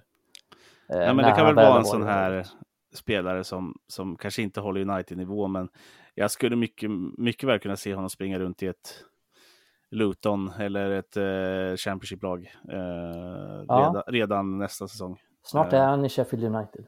ja, ja men, alltså eh, något sånt där. Och, och eh, skulle säkert kunna tillhöra ett topplag i, i Championship eller ett bottenlag i, i Premier League eh, mm. inom ett par år i alla fall. Ja, det är väl inte omöjligt. Uh, mm. Nej, men jag har svårt att se att han, att han blir något i United. Ja, och framförallt på de här offensivare spelarna så känns det mm. som att, tittar du McTominay då, men han var väl en offensiv spelare, liksom, egentligen spelade forward i, i, i U-lagen och uppåt.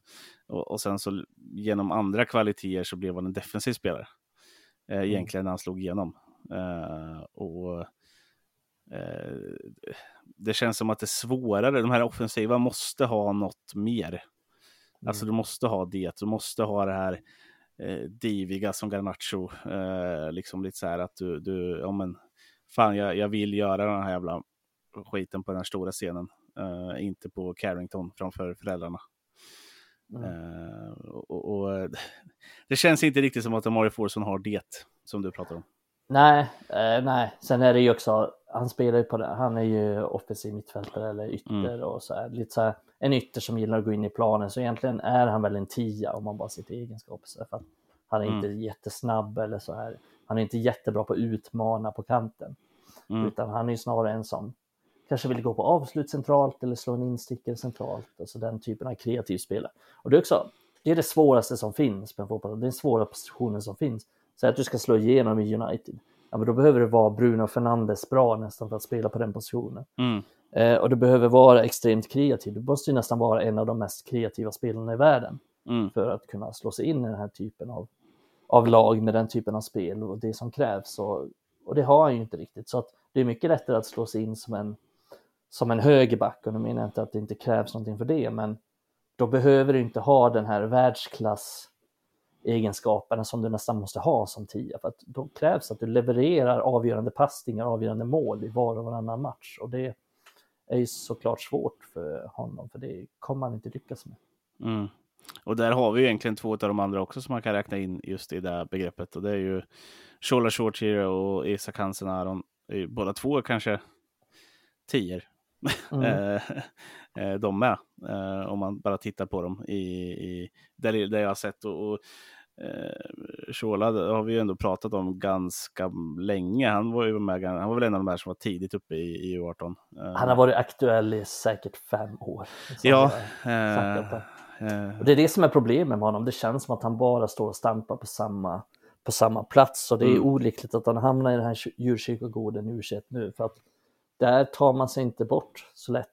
Nej, men jag blir lite förvånad då, för lånar man inte ut en sån spelare? Alltså han var ju utlånad förra året till mm. Bolton. Mm. Uh, fick ändå hyfsat på speltid.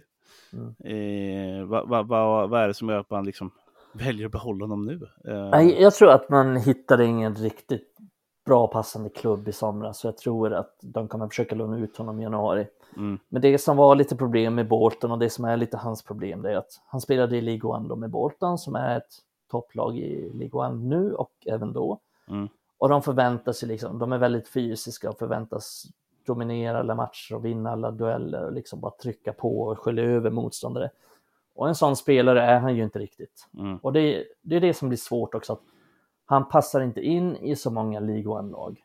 Men mm. han är kanske inte tillräckligt mogen för att spela i SA-15, som han kanske hade passat jättebra in i. För att de spelar inte en fotboll i så högt tempo, men de har mycket bollinnehav och förlitar sig mycket på att hitta kreativa lösningar just i och just utanför straffområdet. Och där är Shortire ganska bra. Mm. Men i just de här League ja, men då krävs det att du är stark och det krävs att du är fysisk och det krävs att du har alla de här delarna. Så att mm. det är svårt att hitta klubbar till just de här spelarna. Och, eh, men jag tror att United kommer försöka jobba på det i i januari. Men just Shortire, han har stått och stampat lite i flera år nu. Han är kommit fram som en supertalang. Han är fortfarande, han debuterade ju i, i Youth League i den här Champions League-turneringen då, som är U19, när han var 14 år. Han var fortfarande en av de fem yngsta inom tiden att spela i den mm. turneringen. Men han har inte riktigt tagit det här sista klivet och, och det behöver han göra. Och för att göra det så så behöver han ju få ett lån där han verkligen gör bra ifrån sig, lite som Ahmad fick i Sunderland eller som Garner ja. fick i, i, i Nottingham. Men problemet är ju att både Ahmad, även om han är ganska liten, så är han ingen spelare man bara flyttar på sådär. Han är ganska stark i kroppen, han är ganska tuff. Mm. Och Garner är också en sån där som går in i smeten och har lite mer fysik. Så att mm. man behöver hitta en bra klubb till Shorty helt enkelt. Och det är lättare sagt än gjort. Det gäller väl egentligen samma diskussion för Isak Hansen. Alltså, eh, ja, han, han, han eh, har ju väldigt fina kvaliteter där han har sina liksom, toppkvaliteter. Eh, det ser man ju på honom när vi såg honom på försäsongen också när han eh, fick hoppa in i, och spela en hel del eh, minuter ändå eh, mm. med seniorspelare. Och kan sköta sig rätt bra, men, men det känns också som att han saknar det lilla sista och Uh, det, som du säger, svårt att hitta någon motivation att springa runt i, i Uniteds uh, u lag uh, Han behöver väl också få en utlåning ganska snabbt om, om vi ska få ut något av honom. Ja, alltså just med Isak så verkar det ju som att han inte blir kvar här mm. i United. Hans kontrakt går väl ut snart efter säsongen tror jag. Mm. Och det verkar som att hans agent pushar ganska mycket på att han ska hitta någonstans att spela. Och det är ju också ett United-problem kan jag tycka, samma problem som Angel Gomes fick där. Isak och Shola är bra spelare, de har väldigt bra teknik, de är väldigt skickliga på små ytor, väldigt kreativa och rörliga, men ganska små mm. och inte särskilt storväxta. Och i United så har inte det premierats. Vi Nej. skickade Angel Gomes och vi spelar McTominay. Mm. Eh, och inget ont om McTominay, men jag vill ändå göra den skillnaden. Vilka typer av spelare vill vi satsa på? Mm. Oftast är det den typen av spelare som har den här fysiken. Och det har inte riktigt Isak Hansen. Mm. Och därför tror jag har han aldrig riktigt fått chansen heller. Men sen har han ett annat problem tycker jag, det är att han är, han är väldigt skicklig, han är väldigt teknisk, bra på små ytor, rörlig, eh, slå, bra passningsspel och så här. Men det är lite så att när du spelar i U21 och U18, du behöver dominera matchen, du behöver ta tag i matchen och göra den här matchen till din. Mm. Och det tycker jag inte riktigt att, det tycker jag är ett problem med Short Hero och även ett problem med Isak Hansen, att de gör inte riktigt det. Mm. Ibland så går det 70 minuter och så har de knappt rört bollen. Eh, och för att de ändå ska slå igenom United så behöver de total dominera sådana här matcher. Allt ska gå igenom dem. Och det tycker jag Hannibal till exempel har gjort när han har spelat med u att det här är hans match. Mm. Det är han som styr den här matchen. Ja, men lite som vi eh. pratade om på försäsongen mot, eh, mot Wrexham.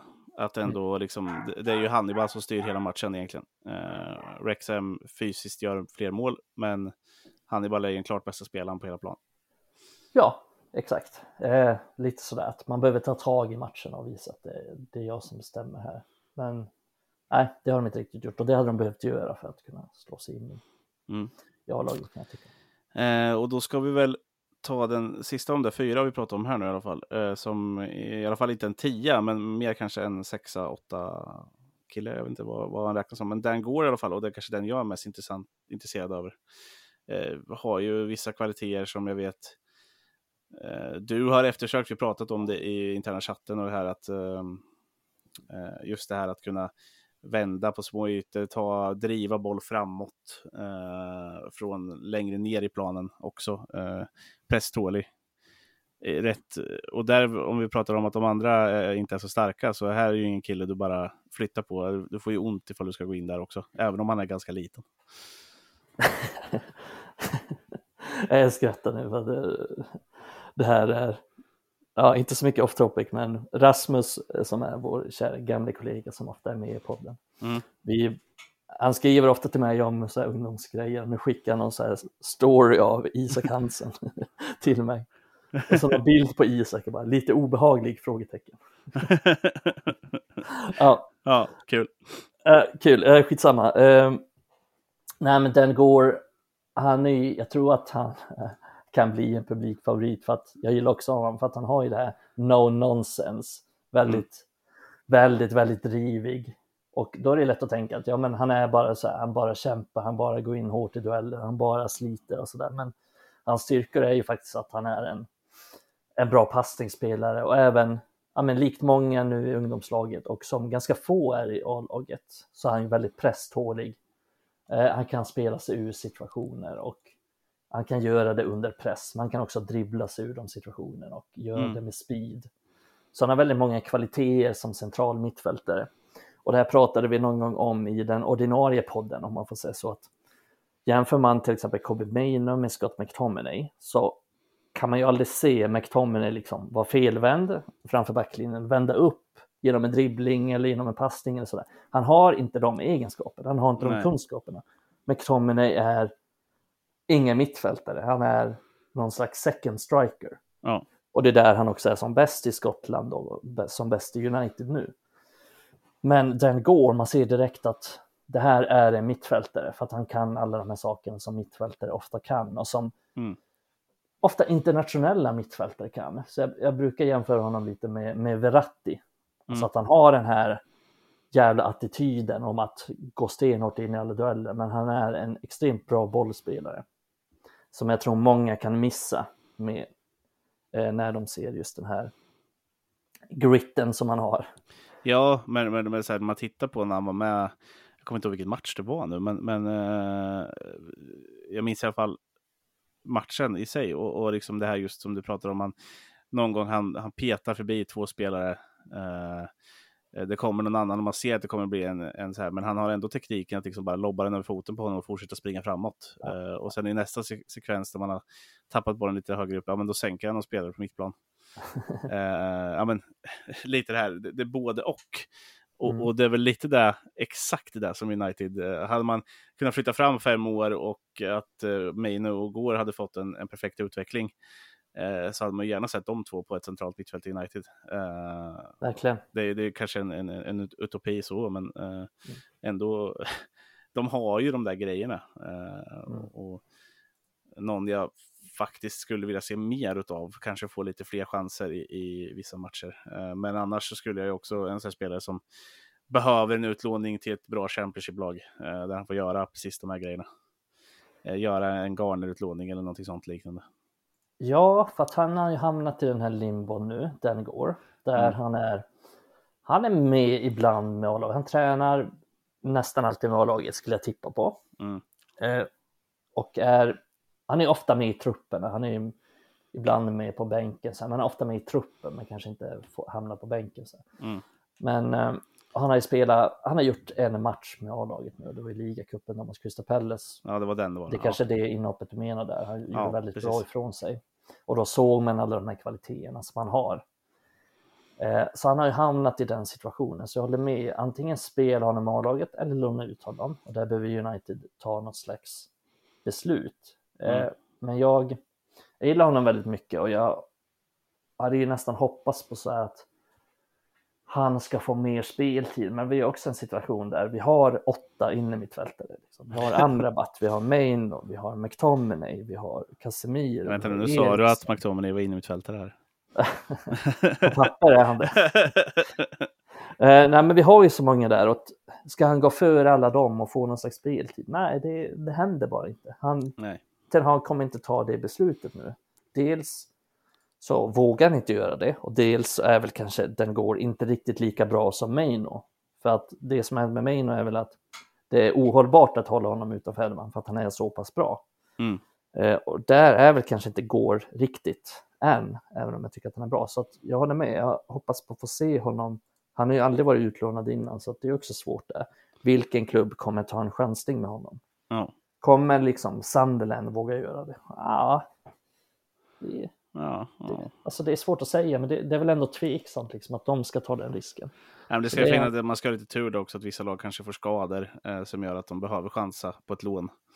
Eh, som går till exempel för att fylla en lucka. Ja, och det är eh. svårt också. Så här, Charlie Patino som är utlånad från Arsenal till Swansea, han får mm. inte spela varje match, även om det är en riktigt hypad innermittfältare. Mm han är också i samma ålder, liknande ålder som, som den går. Så det är svårt att ta plats i de här lagen för att det krävs den här fysiken men också de vill ju ha någon som de vet fungerar för att det står ju miljarder på spel för de här klubbarna.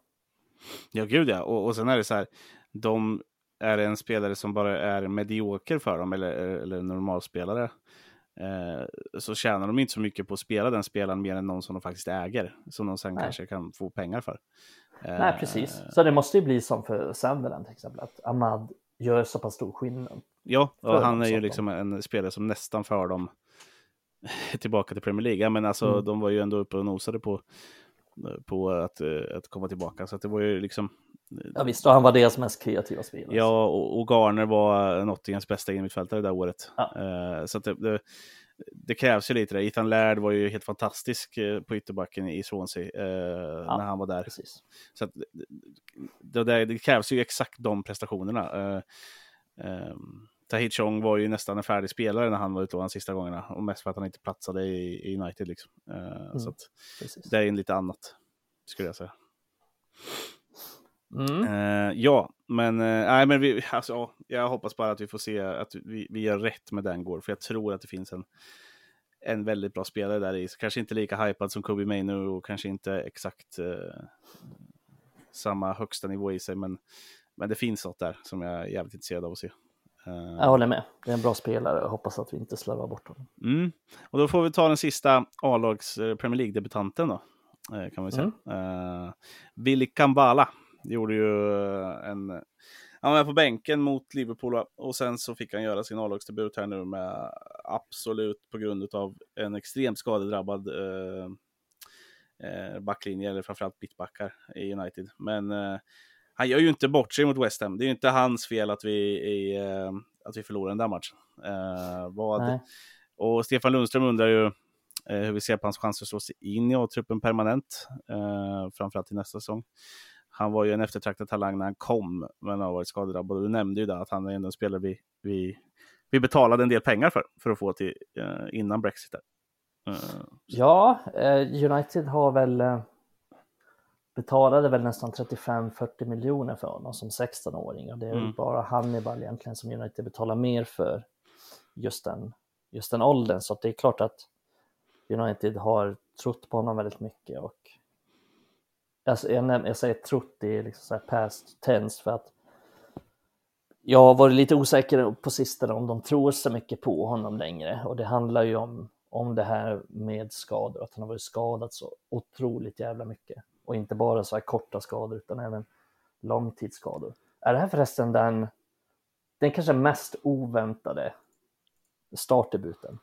Ja, det, det, det kan jag hålla med om. Jag, jag satt inte och tänkte, alltså jag var helt säker på, när jag, när jag nu trodde, visste inte jag att Varann skulle vara borta, jag tror inte någon visste det riktigt. Uh, uh, mer än de där, och uh, om han var borta så misstänkte man väl ändå att Shaw skulle gå in och spela, ja. spela mittback. så det var väl sjukt oväntat. Ja, det var sjukt oväntat, alltså en sån här som man inte ens bara kunde tänka sig. Nej. Nej, men ja, oavsett i alla fall. Men jag, jag säger väl så här att allt handlar om man får hålla sig skadefri. Mm. Eh, för att det här är en av spelare som när United köpte honom så var han ändå, han var U16 kapten för Frankrike. Mm. Och det kan ju låta som en, ja men det är väl ingen stor grej, men kolla på alla mittbackar, framförallt som Frankrike får fram, alltså det är sån jävla konkurrens, de får fram så, mm. det känns som att de har hundra mittbackar som liksom hade kunnat gå in i det italienska landslaget. det är så sjukt. Ja, eh, det kanske stämmer. Framförallt i svenska landslaget har de gått in i. ja, gud ja. De hade, det är liksom så här, de har haft hundra mittbackar som hade gått före Filip Helander. Det kan jag säga. Ja, och de har väl nästan... Ja, minst. Det måste nästan vara mer. I alla fall, ja, och jag tänker kanske hundra som går före Lindelöf. Alltså, jag är rätt trött på Lindelöf ska sägas också. Så det... ja. Nej, men det, det är nog sjukt. De har, de har en sjuk mittbackskonkurrens mm. framför allt. Sen har de bra konkurrens på andra positioner också, men framför allt eh, centrala eh, mittbackar. Mm. Ändå så kör de på med Koende och, och Ja, eller Kondé och uh, Konaté. Upamecano. Upamecano kanske. Alltså, alltså ja, med Konaté, vi har Todibo som ryktas till, till United. Lucas Hernandez spelar ju mycket vänsterback i landslaget. Men, uh, Saliba är ju uh, Ja, alltså det, det, det, men hö, hög klass. Att... Ja, nej men i alla fall så att jag tycker det säger ganska mycket om att han var lagkapten i, i U16-landslaget. Att både Frankrike och United trodde väldigt mycket på honom och även andra klubbar, det var inte bara United som, som ville köpa honom. Och, ja, men det, det, han behöver är ju såklart, han behöver få kontinuitet, han behöver mm. få den här rätta utvecklingen och rätt timing. Sen också, han gjorde en bra match mot West Ham, det håller jag med om. Men det kommer ju krävas att han gör det här i 30-40 matcher i följd och det är en helt annan ja. sak. För att det jag tycker med Kambala är att han har bra egenskaper, för han är, han är väldigt stark, han är väldigt stor, han är fysisk. Mm. Han kommer inte ha så stora problem rent fysiskt. Så även om han möter West Ham så kände jag väl inte att nej, det här kommer inte då känner väl ändå att ja, men det här blir inget jättestort problem för honom rent fysiskt. Nej. Men han har varit, och det kan vara den här u sjukan som finns, som att alla som spelar u i United gör misstag hela tiden. Mm. Men han har lite misstag i sig.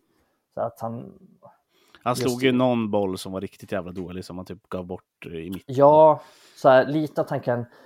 Senaste u matchen tror jag som han spelade så gjorde han ett ganska stort misstag där. Han eller det kan vara till och med U19-matchen, han spelade U19 Youth League också. Skitsamma. Men i någon av matcherna här på sistone så gjorde han ett ganska stort misstag där han eh, liksom var siste man och så slog han bara en passning rakt på motståndarna och så fick de en liksom så här tre mot etta. Mm. Eh, jag kommer inte ihåg, jag tror inte ens det blev mål i den situationen för att Harrison är sån jävla kung. Men, eh, nej, men han, han, har lite sådana misstag i sig, att han är och kan också visa lite så koncentrationssvårigheter, du vet att de tappar fokus ibland och missar mm. någon markering eller missar någon passning eller något så enkelt misstag. Så de sakerna behöver han ju slipa bort, men jag tror att också att det har mycket att göra med att han har inte fått någon regelbunden speltid. Han har inte fått den här rytmen på grund av alla skador. Så att han har haft svårt att få till alla de här.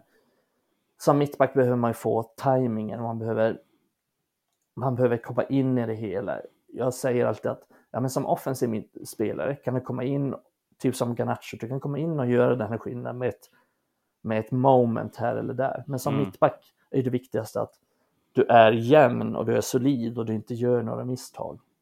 Eh, och det kan ju vara svårt när man inte spelar så mycket. Så att just de här sakerna behöver han ju tuffa till sig lite mer. Sen har han den här potentialen. Han har potential att bli en väldigt bra mittback, men mm.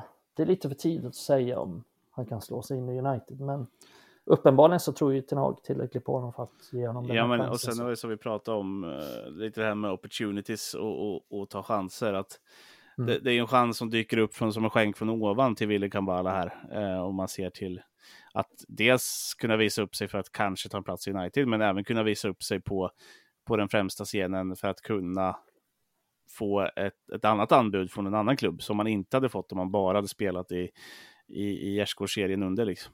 Uh, uh, och det är sådana det är såna grejer som unga spelare måste ta, även om det inte blir United kanske. För att jag, jag har svårt att tro det på ett sätt eftersom jag tror att vi kommer in med, med en ny ledning och um, man pratar väldigt mycket om att värva nya mittbackar och vi har redan ganska mycket mittbackar, men, men uh, vi ska byta ut några av dem. Finns det så mycket plats för en, en, en kille som kan vara då? Mm, nah, jag har svårt att se det. Jag tror, tror, tror mer på att man kanske värvar en, en lite äldre fransk mittback, fast ändå ung.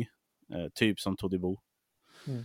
Eh, och, och då, då, finns det nog inte så mycket plats för honom rent krasst. Eh, men däremot så, så kan något sånt här och att han kanske får spela någon mer match nu eh, närmsta tiden eh, göra att ja, men, hans värde ökar ju.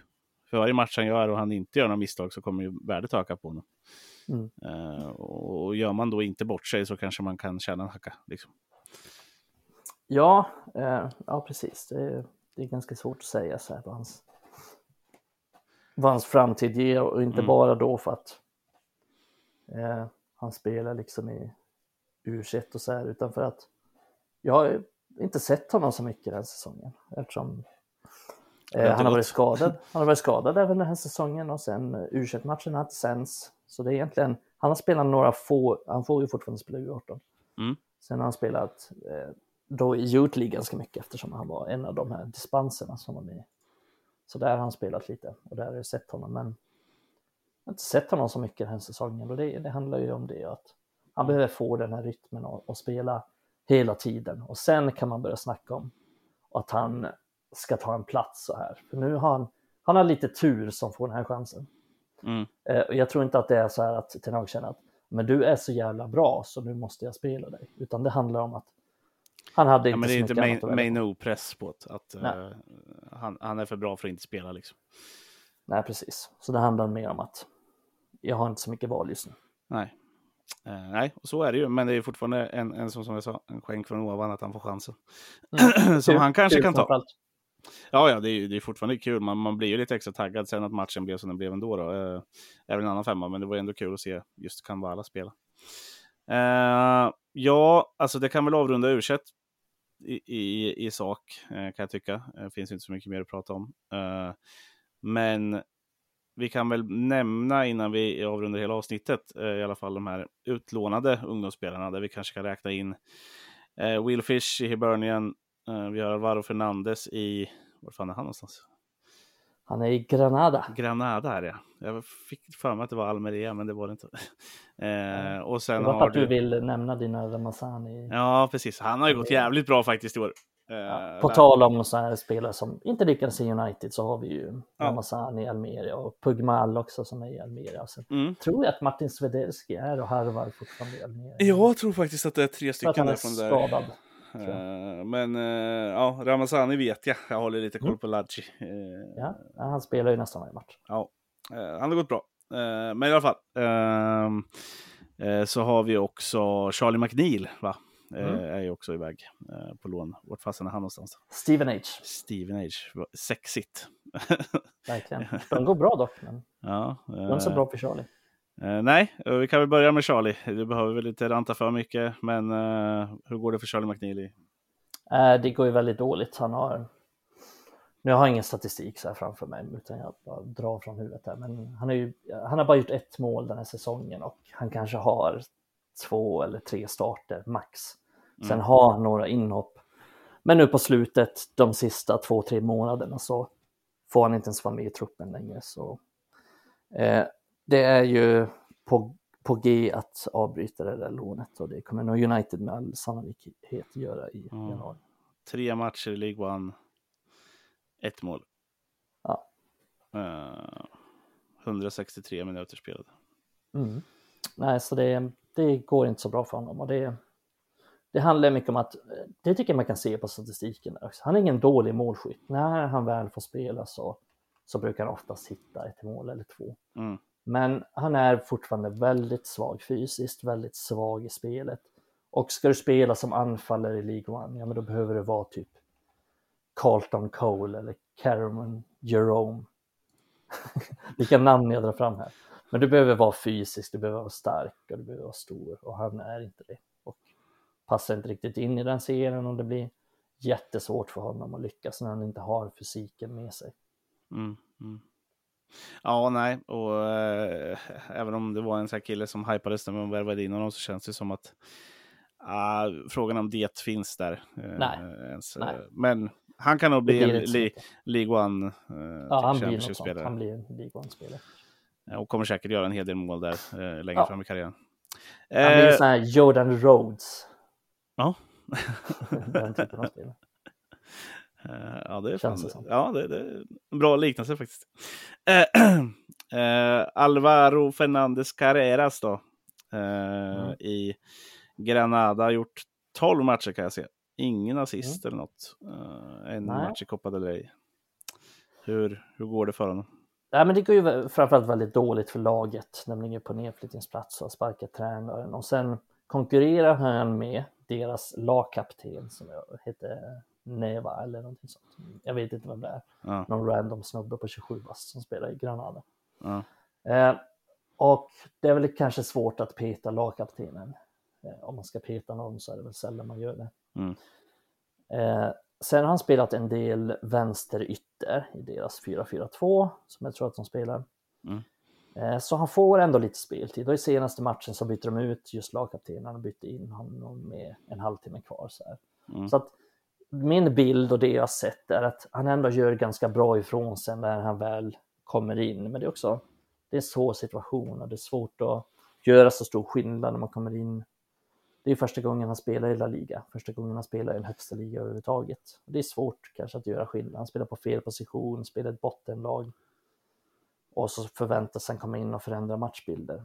Mm. Eh, så återigen skulle jag säga ett ganska dåligt val av klubb för, av United. Men det verkar inte riktigt ha varit genomtänkt utan det kom ju upp ganska plötsligt när jag läste en intervju här med Fernandes och berättade han att det kom ganska plötsligt det intresset. Så jag vet inte riktigt vad som var tanken där men han spelar då och då, han blir inbytt i de flesta matcherna och han startar någon gång då och då. Men... Han gjorde ett väldigt bra lån i Preston förra året. Eh, ja, så det är synd för att jag tycker att det är en väldigt bra spelare. Men jag hade gärna sett att han var kvar i England igen faktiskt. Ja. För att det är väl det som är hans problem. Han behöver lära sig den engelska fysiska spelstilen mer än den spanska, lite lättare. Uh, ja, kanske att han hade kunnat spela i, i ett bättre lag i Championship eller så. Mm. Ja. Eh, det borde, ha, borde ha funnits eh, några som var intresserade där, om inte annat borde ju Preston varit intresserade igen. Mm. Eh, så att, ja, man vet inte riktigt. Jag tycker det känns lite konstigt. Jag tyckte det känns konstigt att skicka iväg honom som sagt när vi, värvade in, när vi lånade in Sergio Region. Uh, jag håller med. Hade aldrig haft kvar Fernandes. Ja, det var, vi, vi, har ju redan nämnt det i podden, så det var ja. eh, högst oklart kan man säga. Men då kan vi väl titta på den sista spelaren då. Uh, utav de här ungdomsspelarna. Uh, Will Fish, som säkert på ett sätt ångrar att han är utlånad just nu. Eftersom han troligtvis hade gått före Willy Kambala i ett val uh, om att spela i, i matchen mot West Ham. Men, ehm, men han ångrar sig nog inte så, för att det är väl ändå en av den spelaren som det går bäst för. Uh, 17 ja, matcher, ett mål. Uh, trivdes ju som handen i handsken i Hibernian förra året. Eh, mm. Han gjorde ganska många mål om jag inte minns ja. fel. Uh, han är ju bra på fasta situationer. Han mm. är ju, det är ju, han är ju bara, vad sa du, han har ett mål nu. Ja, ett mål i den här säsongen. Ja, men han har ju, jag tror att han har typ så här tre, fyra ramträffar mm. bara på fasta situationer. Så att han har väl lite den här Maguire-sjukan nu, att, som han hade tidigare, att han nästan gjorde mål många gånger, men det blev inte så många mål. Nej, men Fish är ju väldigt bra på fasta situationer och han, han får ju stort förtroende i Hibernian och mm. startar, startar varje match, spelar 90 minuter i varje match i princip. Och mm. Han har väl redan, vi är inte ens, alltså december är inte ens över, han har väl redan över 2000 minuter eftersom de, de också kvalade till till Conference League och så här. Uh, han har 2208 minuter. De, uh, ja, fem matcher i uh, qualifiers till Conference League. Ja, och de gick ju väldigt bra där tills de mötte Aston Villa. Och tre matcher i ligacupen också.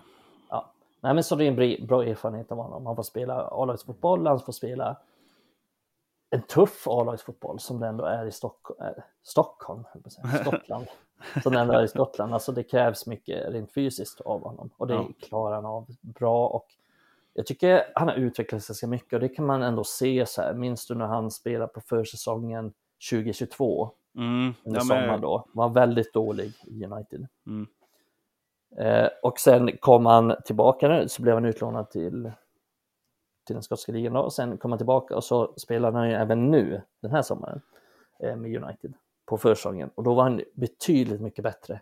Och då tyckte jag man kunde se en helt annan mognad i honom, i hans sätt att spela så här. Men, så att det är ju ett tecken på ett lyckat lån, han får spela hela tiden, han är bra ifrån sig, stort förtroende och får växa och få mycket erfarenhet. Men sen tycker inte jag att det är någon framtida United-spelare. Men, men återigen, en, en, bra spelare som kommer ha en bra karriär. Ja, och eh, man borde kanske kunna få, få en hacka på. Jag vet inte när kontraktet går ut i och för sig. Men, eh, ja, nej, det blir inte så mycket än. Nej, jag tror att hans kontrakt inte är ja. så men. Eh, men med tanke på United så, så ser jag att Dylan Levitt har eh, gått till Ja, han spelar också där ja. Mm. Gick från Dundee till, eh, till Hibernian tydligen. Mm. Eh, och med, med tanke på något annat roligt, eh, vi har ju en poddgrupp där vi har lite egna smeknamn på varandra. Jag heter Jonas Gutierrez tror jag. Jag vet inte riktigt vad du har. Eh, om inte du heter Will Fish till och med. Eh, Micke, men, fan vad heter men Adam heter ju Adam Lefondre och eh, det är ju en gammal klassisk eh, både Premier League och, och, och Championship-spelare. Eh, och ja, han spelar tydligen i Hibernian. Ja, fan. Ja, det gör han. Eh, Eh, det var kul, tyckte jag, ja. när jag sitter och kollar här. Ja, väldigt kul. Eh, men ja, det är väl kul för Will Fish och det är väl kul att, att det ändå ger någonting med ut, uh, utlåning och att de, det finns väl en ganska god tro på att han kanske hamnar i Hibernian efter. Ja, det verkar som också. att de de vill ha honom och han verkar trivas bra där. Så ja. Det är väl inget orimligt att tänka. Men Nej. jag tror ändå att många bättre klubbar kan vara intresserade. Ja, de är en bra klubba så de är topplag i i ja, Skottland. De ligger sexa ser jag. Uh, men är ju väldigt nära att kunna ja, komma att... till tre i alla fall. Det är bara Celtic Rangers som sticker ifrån ja. där. Så att, uh, de är nog med och slåss om den här Europaplatserna. Uh, kul för dem i alla fall. Uh, jag tänker så här då att har du något mer du vill uttrycka rörande ungdomsakademin så här nu på, på Nej, det känns som att vi har diskuterat det här väldigt länge nu. På en timme och 50 minuter så har vi lyckats avhandla det här nu. ja, men det, uh, ja, men det är alltid lika kul. Det är kul att höra dig. Uh, man märker ju att du ändå, det här är någonting du brinner för. Du är inte så här otaggad att gå in och prata om ungdomar som du kan vara uh, ibland när vi ska starta ett, ett vanligt avsnitt. det här är sant. Ja, det här är jag nästan alltid tänker på. Uh, och det, det, det, är kul att höra. Uh, så jag hoppas ni där ute tycker om det. Om ni gillar det så, så vill vi såklart att ni lyssnar. Uh, och att ni ger oss en liten like eller skriver någonting på Twitter eller vad som helst. är det någonting annat ni önskar mer utav så, så kommer det också. Vi tar emot all, allting vill vi ha. och annars får jag väl bara säga tack för idag Micke. tack för idag. följ oss överallt. Twitter, Instagram, Facebook, Raspodden på, på Twitter just ifall ni vill komma i kontakt med bara oss i podden. Eh, annars finns ju Red i Sverige på de andra eh, plattformarna och även då på Twitter. Så eh, kom, återkommer väl vi om inte lite senare i veckan med ett riktigt avsnitt igen.